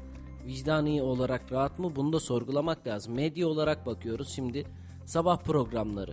Bizim toplumda ağzımıza alamayacağımız ya ayıp ya bu da konuşulur mu artık diyemeyeceğimiz her şeyi biz televizyonda izliyoruz. Aynen. Biz kendi evimizde normalde girmeyecek, evimize giremeyecek küfrü, küfür demeyeyim de yani ahlaksızlığı süreci biz evimize alıyoruz, seyrediyoruz bunları. O gayet de rahat ediyoruz. Ee, ve çocuklara bunu, çocukların önüne bunu verdikçe mesela Netflix konusunda e, çocuklara yaşanabileceğin özellikle eşcinsellik konusunda her dizisinde mutlaka bir sahne var. Bunu doğallaştırıyor. Avrupa toplumu için bu gayet normal olabilir. Hatta bunu yapmadıkları zaman tepki alıyor olabilirler. Kardeşim burada da üçüncü bir e, cinsiyet var diye filan düşünüyor olabilirler. Yani buna bir şey diyemem. O Avrupa toplumunun ya da Amerika toplumunun kendi fantezisi. Ama Türk toplumunda da bunu enjekte ediyorlar. Ve şimdi iki hadiselere yaşanan hadiseye baktığımız zaman daha önceki hadisede de aynısı. Mesela üç kişinin vurulduğu hadisede de benzeri durumlar var. Böyle tabiri caizse toplum içerisinde karşılığı olmayan atar yatar takım diyebileceğimiz e, çok rahatlıkla beline silah takayan ne diyorsun sen deyip silah çekebilen e, bunun karşısında birinin canını almayı kendine hak olarak görebilen bunun pişmanlığını dahi yaşamayan yaşamayacak olan bir gençlik yetiştirmişiz biz arada. Ve bu gençlik üzerindeki taşıdığı silahla zaten potansiyel bir tehlike. Yani yarın ne yapacağı belli değil. Bu adam kimi öldürür, kimle kalır. E, bunu yani kendi ailesi de şu an çok müzdariptir ya düşünsene. Yani elinde çocuğun var bir yere gönderiyorsun, iş yaptırıyorsun vesaire yapıyorsun. 25 yaşında birini öldürmüş. En kötümser ihtimalle 8-10 yıl ceza yazacak ve yatacak ve çocuğun gençliği yok artık. Yok yani kalan bir şey yok. O çocuğu daha o annesi evlendirecekti, barklandıracaktı, torunlarını sevecekti. E, yaşlandığında kendisine o bakacaktı. Şimdi e, cezaevi kapısında git gel ziyaret görecek. Tablo bu. Ölen de gidiyor, kalan da gidiyor. Ve bunu legalleştirmiyoruz. Yani bu bir namus meselesi değil, bu bir başka bir şey değil. Bunun bile yani kanunu hukuki tarafının olması lazım. Yeni valimiz geldi. E, konuyu da oraya da getirmek isterim. Yeni valimizin özellikle asayişsel konularda e, rutin aramalar konusunda, rutin sokak çevirmeleri konusunda e, ve bu tür ha- hadiselerin önlenmesi konusunda daha başarılı olmasını temenni ediyorum. Yani mesela hırsızlık konusunda da daha önceki dönemde hep konuştuğumuz hadise. Yani sürekli bir hırsızlık, sürekli bir hırsızlık, sürekli güvenlik kamerası Yayınlasak bir dert, yayınlamasak bir dert. Yayınlayacağız. İşimiz bu bizim. E, buna da dikkat çekmemiz gerekiyor. Vatandaşın dikkatli olması için en azından dikkat çekmemiz gerekiyor belki de. E, ama yeni başladığımız dönem, yeni valinin dönemiyle beraber bu anlamda da çok ciddi e, girişimler bekliyoruz. Yani yol uygulamaları, sokak uygulamaları, çarşı pazar uygulamaları, e, gençlerin bulunabileceği alanlarda gençlerin üst aramaları dahil olmak üzere bu anlamda çok ciddi niteliğe ve çok ciddi artışa ihtiyacımız var. Gençleri bu işin üzerinden uzaklaştırmamız lazım. Üzerlerinde taşıma rahatlığından çıkartmamız lazım. Evlerinde bulundurma rahatlığından, gizli bir yerlerde saklama rahatlığından çıkartmamız lazım. O silah bir gencin elindeyse e, bir gün bir kazaya sebebiyet verir ve bunun karşılığı ve bunun önünü bizim asayiş uygulamalarımızda bizzat kendimizin yapması lazım. Yani çok aşırı sıklaştırmamız mı gerekiyor? Evet. Türkiye, Türkiye, tüm Türkiye genelinde de bunu aşırı derecede sıklaştırmamız ve kontrol altına almamız lazım. Hele bir geçsin bir şey olmaz dediğimiz her gün işte geçtiğimiz hafta iki tane üç tane yaşıyoruz. Silahlı çatışma, silahlı yaralama yaşıyoruz. Çözümü var mı derseniz çözümünün de niteliği bu.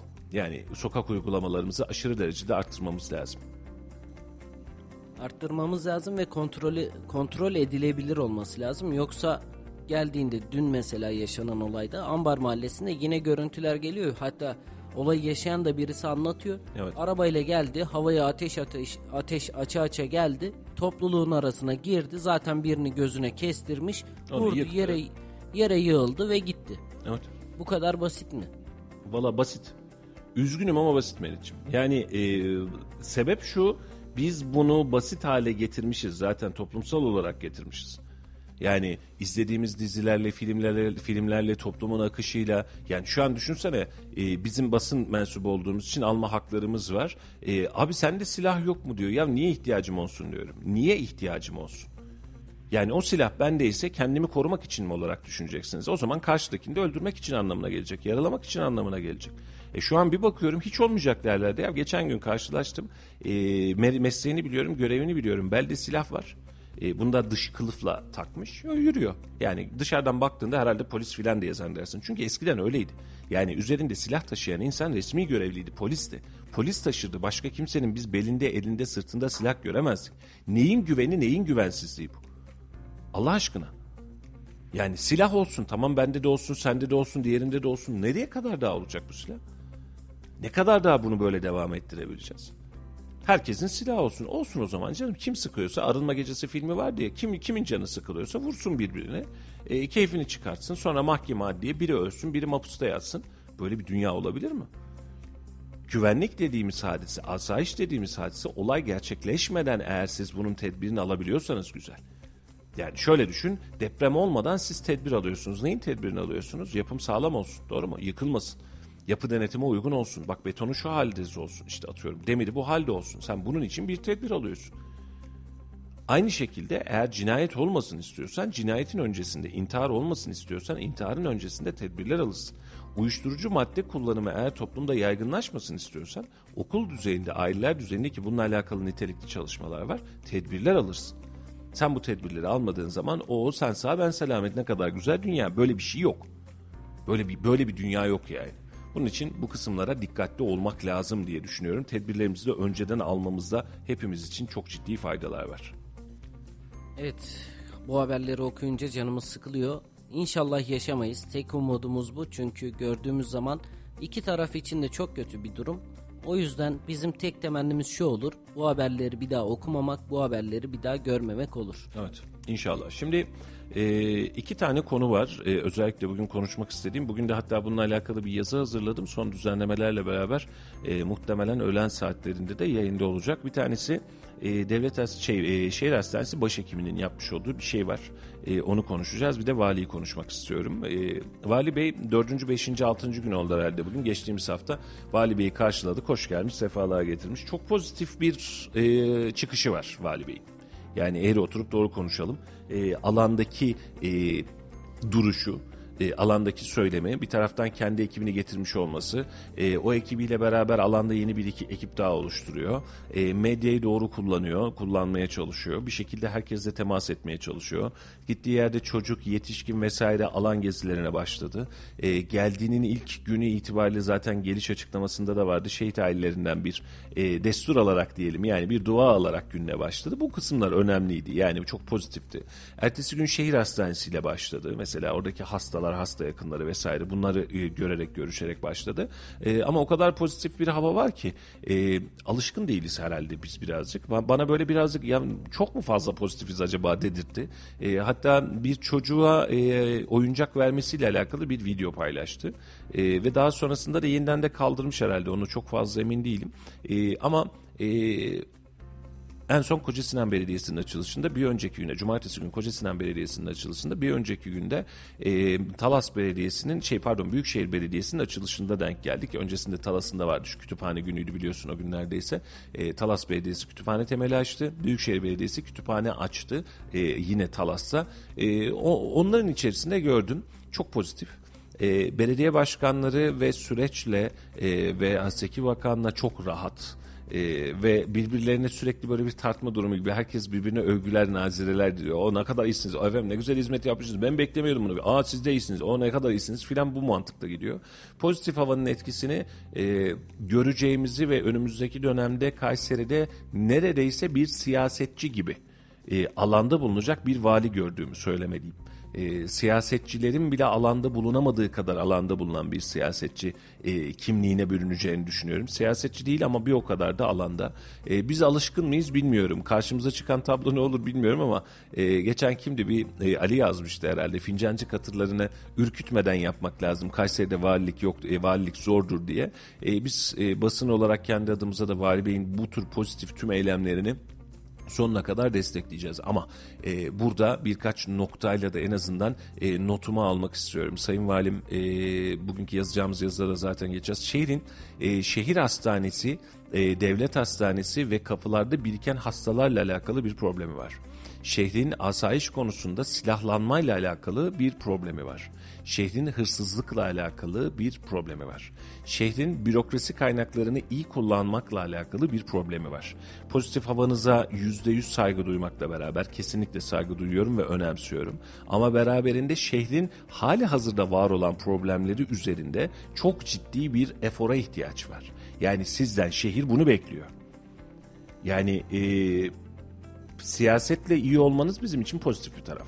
Yani çünkü belediye başkanıyla aranız iyiyse, Memduh Bey'le aranız iyiyse, ilçe belediye başkanlarıyla aranız iyiyse siz daha enerjik işleri daha hızlı yapabilirsiniz. Bu bizim için pozitif. Yani biz düşman olan bir bürokrasi kısmı istemiyoruz. Tam tersine dost olsunlar. Ama şehrin problemleri söz konusu olduğu zaman e, ne kadar iyisiniz, ne kadar güzelsiniz, ne kadar sevimlisiniz diye bakmıyoruz. E, gelen istihbaratları ve bilgileri doğrultusunda söylüyorum. Şehrin sosyal yaşantısı ve o e, dokunsal ilişkisi noktasında çok iyi olacağını düşünüyorum düşündüğümüz bir vali bey var e, gözümüzün önünde ama şehrin sorunları itibariyle baktığımız zaman asayiş, hırsızlık, e, emniyet güçleri bu anlamda çok ciddi çaba sarf ediyor. Yani bak çok net söylüyorum yani çok ciddi çaba, çaba sarf ediyor ama yetmiyor. Yani sadece polisin bu işin üzerinden geçtim diyerek çözebileceği bir işi değil e, bunu topyekün halde tüm nüfuzumuzu kullanarak tüm imkanları kullanarak bu işi çözümlemek gerekiyor. E, bundan kayn bundan kaynaklı olarak da şehrin validen bir beklentisi var ve lütfen bu beklentinin karşılığını siz verin. E, yani daha önceki valimizden de beklentimiz vardı. Bir şeyler yaptı, e, yapmaya devam etti. E, bir şeyleri başardı, bir şeyleri başaramadı. Ama e, topyekün halde bir ittifak olacaksak, hep beraber şehir için bir şeyler yapacak olursak, e, işin sonunda oh çok şükür bak bunlardan da kurtulmuşuz diyebileceğiz, diyebileceğimiz noktaya gelmemiz lazım. Bu konu bir. Konu iki, e, şehir hastanesi başhekimimiz e, çok ilginç bir şekilde İl Sağlık Müdürü ile alakalı e, bir giriş yaptı. Suç duyurusunda bulundu. Yani bir tarafın şehir hastanesinin başhekimi, bir tarafın il sağlık müdürü. Yani e, bu konuda tarafsız kalmayı tercih edebilirdim. e, tarafsız kalmak da lazım belki de ama e, iş o kadar e, tatsız hale geliyor ki yani şu hadise e, bazen şey diyorum ya hastanenin önüne bir kum havuzu yapsak da filan insanlar orada mı tak- takılsa hani orada mı oynasanız acaba? Nasıl bir mantıktır, nasıl bir yordamdır bunu çözmekte zorluk çekiyorum. Ee, sebepleriyle şöyle yazayım, e, şöyle söyleyeyim. Geçen hafta konuştuk zaten Meriç'im biliyorsun. Şehir hastanesindeki yaşanan sıkıntı nedeniyle şu an devlet hastanesi ve özel hastanelerde kapasite problemi yaşıyoruz. Geçen hafta konuşmuştuk. Devlet hastanesinin önünde saatin 6'sı itibariyle bekleyen bir sıra var. İnsanlar sıra almak için, insanlar muayene olabilmek için saatin 6'sında 7'sinde gidiyorlar. Devlet hastanesinin önüne sıra bekliyorlar. Biz de burada diyoruz ki ya bu devlet hastanesinin önünde niye sıra var? Ve ben bunu ilk baştan beri her defasında açıklıyorum. Devlet hastanesinin önünde sıra varsa, özel hastanelere bu kadar rağbet varsa, insanlar bu kadar ultrason sırası vesaire sırası almak için 3 ay, 5 ay hatta 1 yıl ameliyat sırasına eğer sıra alıyorsa, bunun en önemli sebeplerinden bir tanesi şehir hastanesinin bizzat kendisi. Ve başhekimimiz bu anlamdaki acziyeti sebebiyle ne yazık ki yani bu anlamdaki acziyeti sebebiyle sistemi kitledi. Sistemi kitlemesindeki en önemli sebep başhekiminin arkasındaki siyasi figürler. Kayseri'deki iki tane milletvekili, AK Parti milletvekili başhekiminin arkasından eksilmiyorlar sağ olsunlar. Ve başhekim başlangıç geldiği günden bu tarafa ben bu şey, şeyle İl Sağlık Müdürü'yle çalışmak istemiyorum diyerek geldi. İlk geldiği gün itibariyle. Ben bu müdürle çalışmak istemiyorum. Ben bu müdürle çalışmak istemiyorum. Niye çalışmak istemiyorsun? Hadi çektik onu aradan. Hadi çıksın canım problem değil. Peki sen niye il sağlık müdürünü belirleme yetkisine sahip olmak istiyorsun? Sen başhekimsin. Yani senin gibi devlet hastanesinin başhekimi, ilçe baş, il hastanelerinin başhekimi, atıyorum diş hastanesinin başhekimi, bu başhekimler sağlık müdürü tarafından koordine ediliyor. Şimdi bir önceki başhekimimizi hatırlayalım. İlhami Hoca'yı hatırlayalım. Bilim kurulunda da vesaire üyeydi biliyorsun. Şimdi İlhami Hoca döneminde özellikle ben rakamları almak istedim. Rakamlarla beraber ki bugün de zaten bunun yazısını da öğlen saatlerinde Allah'tan mani kalmazsa düzenleyeceğim ve geçeceğim. Şehir hastanesinin günlük ortalama baktığı hasta sayısı 15 bin kişi Melih'ciğim. 15 bin. İyi günlerinde, pik günler dediğimiz işte atıyorum pazartesine filan gelmiş olduğun zaman 17 bin kişiye çıkıyor. Hatta ve hatta çok zorlanarak geçtikleri 22 bin rekor rakamı var. Bir günde bakılan hasta sayısı bak 22 bin. Şehir hastanesinde 660 tane hekim var bu kapasiteye ulaşmak için. Şehir hastanesi pandemi, pandemiden sonraki yokluk dönemiyle beraber pandemiden pandemi bitmiş tamam her şey normalleşiyor artık hadi bakalım ne yapıyoruz dediğimizde 8 bin, 8500, 7000 bu civardaki bir rakamla başlıyor. Bak 15 bin, 7500. Günlük ne oldu Meriç'im? 7500 tane hasta off. Nerede off? Sıra alamıyor. Nerede off? Muayene alamıyor. Nerede? Ameliyat alamıyor. Bu hastalar ne yapacak? Senin dişin ağrıyor, senin gözün ağrıyor, senin karnın ağrıyor. Şehir hastanesine gittin sıralamadın yer yok yer yok ne yapacaksın? Mecburen özele gideceğiz. Ya da Kayseri Devlet'e gideceksin. Özele niye gidiyorsun? Paran var özele gidiyorsun. Paran yoksa ya devlet hastanesine ya fakülteye gideceksin. Fakültede 100 küsür tane 160 herhalde yanlış hatırlamıyorsam doktor var. Bak 600 küsür biri 100 küsür biri hesabını sen yap. Şu an itibariyle şehir hastanesi gün ortalaması 7000 7500 civarında hasta bakıyor. Devlet hastanesi kaç bakıyor? Yo yo bahsettiğim devlet hastanesi. Yanlış söylediysem özür dilerim. Devlet Şehir hastanesi. hastane. Şehir hastanesi 7000, 7500, 8000 ile başlamış. Şu an itibariyle 9000'ler civarına filan çıkmış zorlamalarla. 600 küsür tane doktorla, hekimle. Bu tarafta 160 tane doktorun bulunduğu devlet hastanesinde 7000 civarında hasta bakılıyor. Hangi mantık? Hangi mantığa uyabileceğiz bu konuda? Düşün yani mantığa bir baksana. Yani ve bugün itibariyle geldiğimiz noktada 10 bin civarında hastayla ortalama hani 10 bini bulmuyor da 10 bin civarı diyelim. Şehir hastanesi hasta bakım hizmeti yapıyor. Bakabileceğiniz 5 bin hastaya bakmıyorsunuz. Günlük 5 bin hasta. Üst üste biriktirdiğin zaman ay ortalamasında ne yapar Melih'ciğim? 150 bin tane hasta senin kapsamın dışında kalıyor. Yani ay ortalamasında 150 bin tane daha az hastaya bakıyorsun. Ve senin bu yokünü almak için bu taraftan müdürlükte diğer tarafta şeye getiriyor iş. Sen söyle adını. Devlet hastanesine baktırıyor. Yani baktığımız zaman gerçekten önemli rakamlar bunlar. Bu rakamları çok fazla da aslında görmemezlikten gelemiyoruz. Evet. En sonunda da Şehir hastanesi başhekimimiz çıkıyor. İl Sağlık Müdürü'ne karşı suç duyurusunda bulunuyor. Şimdi dosya geldi. Yazıda da görebilecek vatandaşlarımız onu anlayabilecek. Ee, çok şehir menfaati için yapılacak bir şey. Benim haberim yoktu bana bu yazıyı niye gönderdiniz kıvamı. Yanında konuşuluyor ancak kendisi duymuyor. Ee, hemşiresiyle alakalı bir başka sıkıntı var. Hemşiresi suç duyurusunda bulunuyor. Bununla alakalı bunun sıkıntısı var ama İl Sağlık Müdürü diyor ki ya bozmayın ortalığı tamam sakin olun.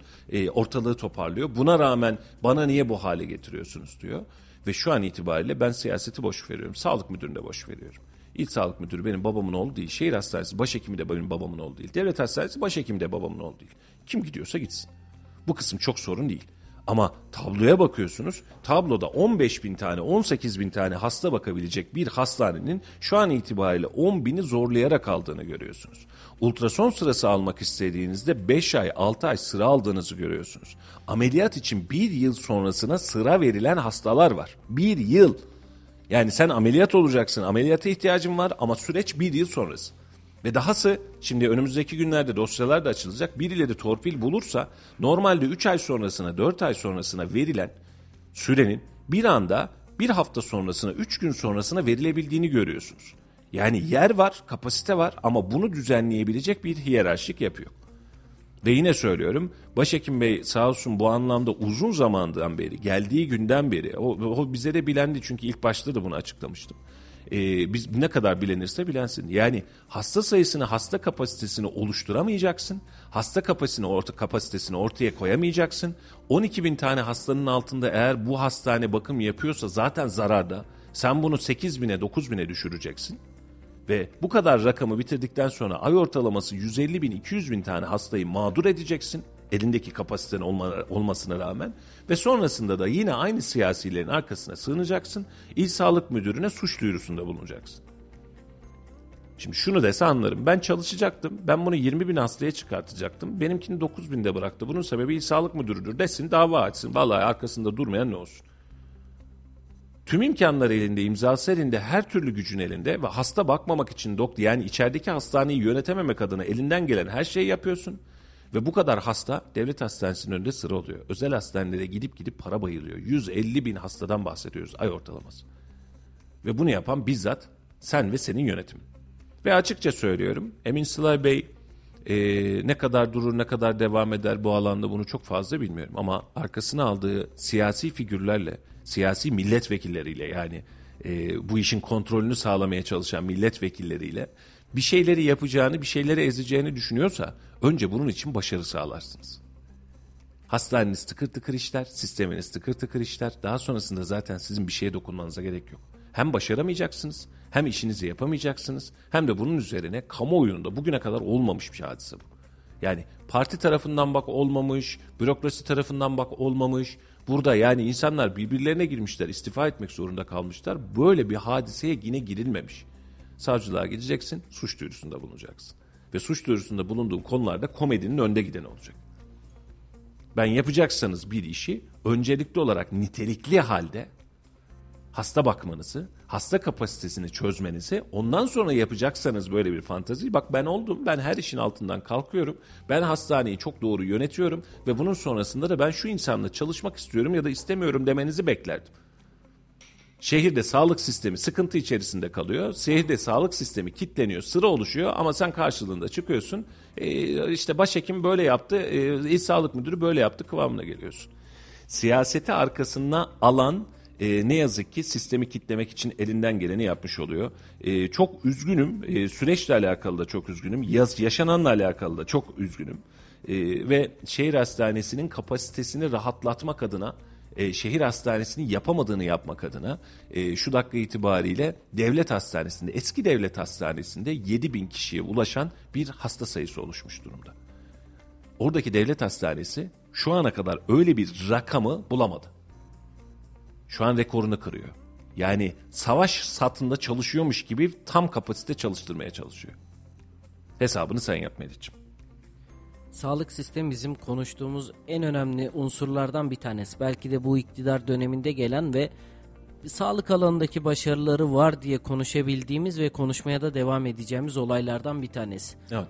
Bunu konuşurken birkaç tane yönetici yüzünden Ya sağlık sistemi çok kötü diyebilir miyiz? Maalesef diyoruz. Nasıl? Şehir hastanesinde yaşanan durum gibi. Geçtiğimiz haftalarda sıklıkla yayınladık devlet hastanesi önünde oluşan sıralar. Bu devlet hastanesinin bir başarısızlığı değil aslında. Şehir hastanesinden kaynaklı bir problemin direkt reel olarak görebildiğimiz görüntüsü. Sadece orada değil özel hastaneler bile şu an ameliyat sırasında ameliyat sayısında bak özel hastanelerin kapasitesi daha az Meriç'im. Ve ameliyat sayısında devlet hastanesini şehir hastanesini geçmiş durumdalar. Ya bir günün içerisinde 150 tane ameliyat yapılabilen bir şehir hastanesinde yanlış bilmiyorsam rakam öyleydi. 150 civarında ameliyat yapılabilen şehir hastanesinde şu an ortalama 47. 100 tane hasta gidip özel sektörde ameliyat olmak zorunda kalıyor. Devlet hastanesinin kapısını tırtıklıyor. Bak şimdi bir mesaj geldi. Bir hoca ismini vermeyeyim. Geldiğinden beri diyor şehir hastanesinde sekreter vermediler. O da bu yüzden haftada bir gün poliklinik yapabiliyor. E, tüm evrak işlerinde kendisi yaptığı için 20 hastaya bakabiliyor. Sekreterine verememişsin şehir hastanesinde. 600 tane, 600 küsür tane personelin içerisinde sana gelen ki biliyorum hocayı da nitelikli bir hoca, özellikle gelen bir hoca. Ve sen buna bir tane sekreter veremiyorsun. Bunu yazan da bir e, kardeşimiz. Sağlık sektörünün ucundan yani içinden bile değil ucundan bir kardeşimiz. Peki tablo bu mu? Bu olmak zorunda mı? Sen sistemi yönetemediğin zaman. İşte tam- Bunu bunu sadece başhekim özelinde söylemiyorum Melih. Bunu özellikle başhekim orada sadece ortada görünen kişi. Onu oraya getirmeye çalışan, onu orada tutmaya çalışan, ona bu asiliği veren, ona bu yetkiyi veren siyasetçilere söylüyorum. Ve partinin içerisinde de AK Parti'nin içerisinde de bununla alakalı ciddi rahatsızlık var. Bizzat konuştum. Dedim ki ne yapıyorsunuz? Hani nedir durum? Hiç sorma dediler. Durum buyken bu. İki tane vekili arkasına aldı. Ee, bununla yola çıkıyor. Bugüne kadar aksamayan sistemimiz son bir, bir buçuk yıldır ne yazık ki alt üst olmuş durumda. Daha önce güllük gülistanlık giden hadise şu an itibariyle alt üst olmuş durumda. Adam bizzat söylüyor. Yetkili makamlar bunları söyleyen. Ve siyaset kendi içerisinde de bu işten rahatsız. Ya siyasetin sağlıkla ne iş olur kardeşim? Senin yapabileceğin tek hadise şu. Ha bak sistemde sıkıntı varsa bunu nasıl çözeriz? Yapacağın hadise bu değil mi? Sistemde sıkıntı varsa sen çözmek için, bürokrasiyi kullanmak için, vekilliğini kullanmak için bunun için soyarsın. Senin adamın benim adamım. O gelecek bu gidecek. Sonuç ne olacak? Ben sonuca bakarım. Kimin adam olduğu kimin umurunda ki? Benim hiç umurumda değil. Ben Emin Bey'le tanıştım. Hayırlı olsuna gittim. Kendisi de davet etmiş. Hayırlı olsuna gittik. Oturduk, muhabbet ettik. Özellikle de söyledim. Bakın hocam dedim. Kim olduğu, ne olduğu ve tartışmaları daha geldiğinin ilk zamanları ya direkt kavgayla başladı. Bakın dedim bunlar problem değil. Sizin bakamadığınız her hasta bir can kaybı demektir. Bir hastalık demektir. Bugün gözünüze görünmez. Üç ay sonra canından olur bu adam. Doğru mu? İki ay sonra canından olur. Yani siz sağlıkla uğraşıyorsunuz. Ve sizin böyle bir lüksünüz yok. Ve size çok net söylüyorum dedim. Siz işinizi doğru yaptığınız sürece biz kendi gözümüze üstümüze düşen ne güç varsa neyse ne hasret varsa biz sonuna kadar vermeye razıyız. Kamuoyu bilgilendirmenizi yapalım, doğrultularını yapalım. Bunun karşılığında ne istiyoruz? Randevu bile istemiyoruz. Hiçbir şey istemiyoruz. Yani bizim böyle bir ufkumuz yok. Hani bir gelir mi? Yok böyle bir şey.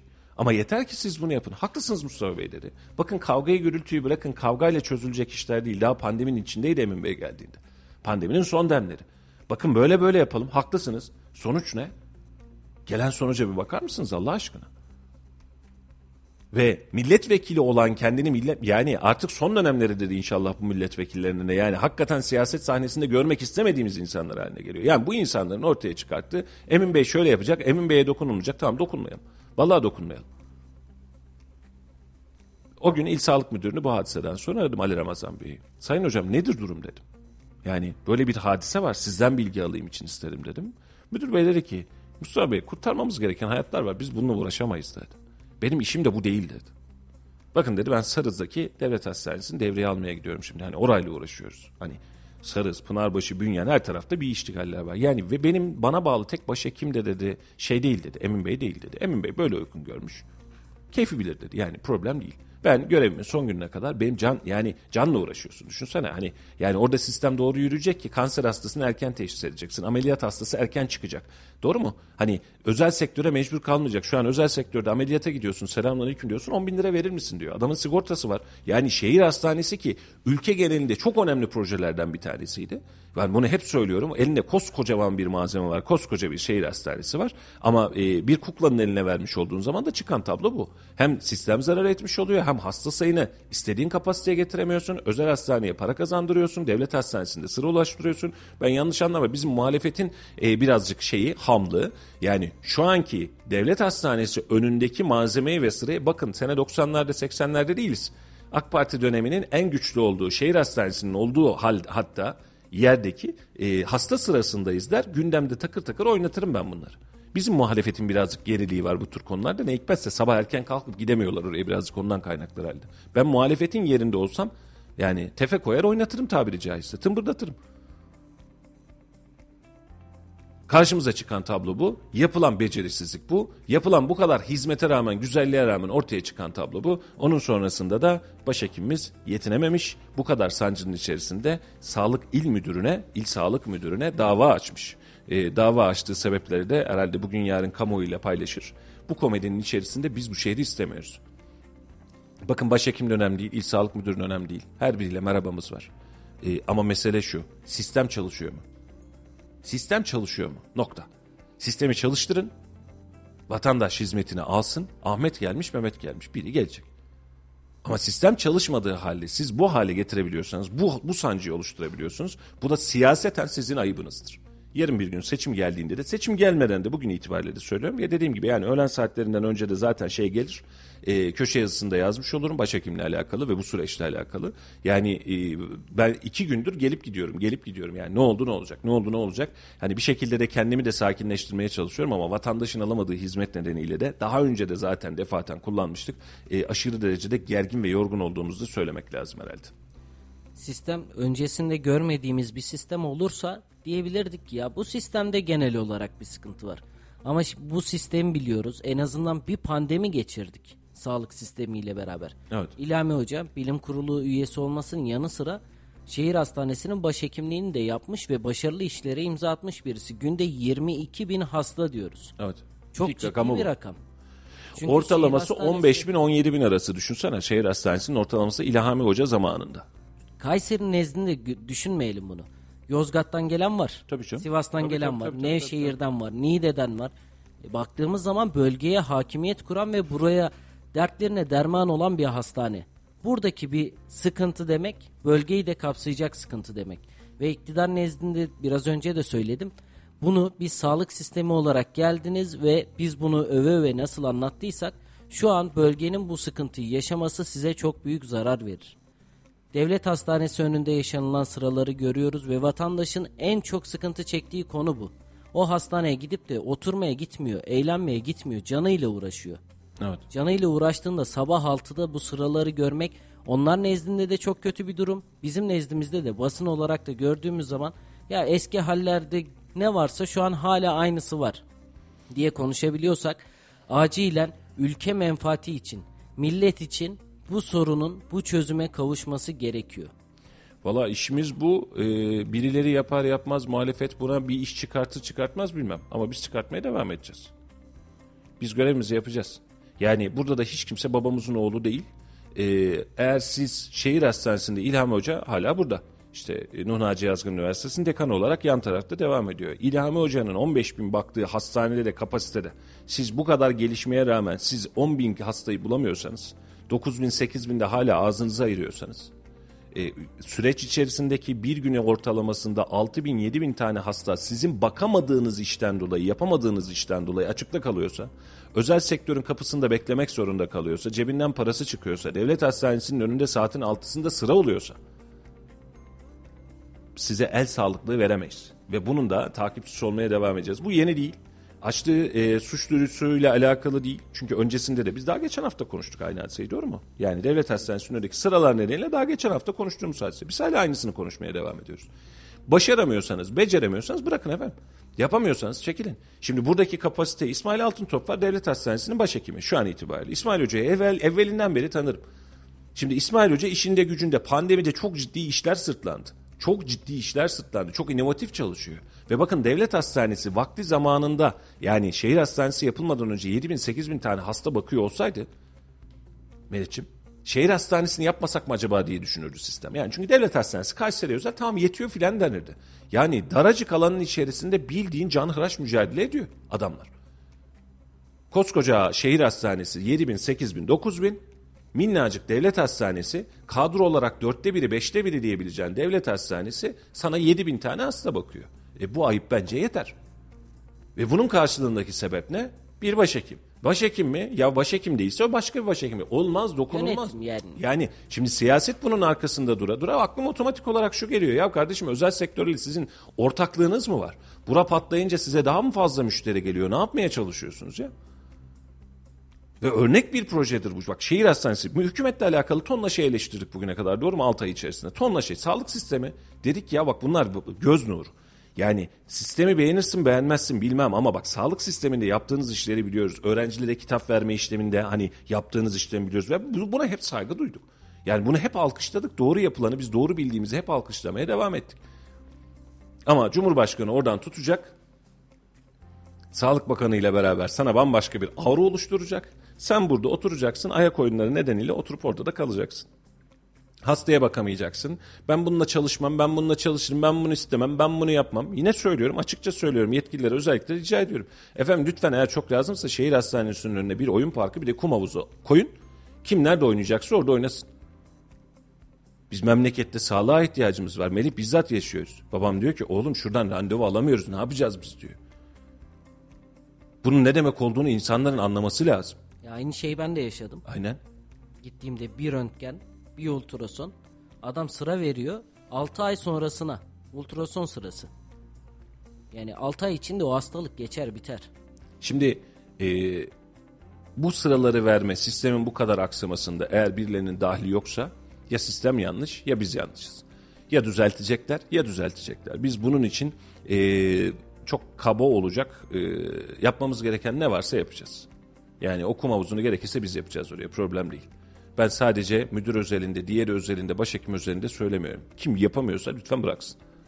Kim yapamıyorsa bıraksın. Ama önce siyaset şu işin peşini bıraksın kirli siyasetiniz yüzünden benim adamım olacak, senin adamın olacak derdi yüzünden günlük 5000 hastaya bakılmıyor bu şehirde. Günlük 5000 hastaya sizin siyasi ikbaliniz ya da siyasi niyetiniz nedeniyle bakılamıyor. Yok. Başka da sorum yok. Yani siyasetiniz bu kadar önemli mi? 5000 kişinin sağlığından önemli mi? Oturun biz kendiniz düşünün. Ee, Ali abim yazmış. Ali Canıpek. Görevini layıkıyla yapmayan devletimizi milletimizi zarar uğratan her kim olursa olsun defolup gitsin. Ee, aynı kanaatteyim Ali abicim. Ee, görevini yapamıyorsa yol orada. Yani birileri gidecek, birileri gelecek. Hiç problem değil. Ama görevimi yapmadım bir de üstüne ben bunu, bu işin çamurluğunu yaptım diyebilecek kadar da aymaz. Bu, diyebilecek kadar da kendini özgüvenli hissetmeyecek belki de. Ee, bitirdik. Yani neredeyse konuyu bitirdik. Günü ve gündemi de bitirdik. Sevgili dinleyicilerimiz bizim laf sokaklığımız var. Ee, Kayseri halkının büyük bir kısmı raylı sistem ve otobüs araçlarını kullanıyor. Biz de laf sokakta ekibi olarak ulaşım hizmetlerini sokağa sormuşuz. İzninizle bir ulaşım hizmetlerini ve laf sokakta da neler söylenmiş bunu bir dinleyelim. Ee, ardından veda etmek için burada olacağız. Bir yerlere ayrılmayın. Öğrencilerimize bedava yapsınlar. Özel günlerde falan bedava olması mesela bizim için çok iyi oluyor. Çünkü e, her otobüs her yere gitmiyor. İşte memnun değilim çünkü biletlere zam geldi hem de istediğimiz saatte bağlara biz otobüs bulamıyor. Kayseri'de birçok vatandaş şehir içi toplu taşıma araçlarını kullanıyor. Biz de Kayseri Millet Laf Sokak'ta ekibi olarak vatandaşlarımıza ulaşım hizmetlerini sorduk. Bakalım nasıl cevaplar almışız. Toplu taşıma kullanıyor musunuz? Kullanıyorum.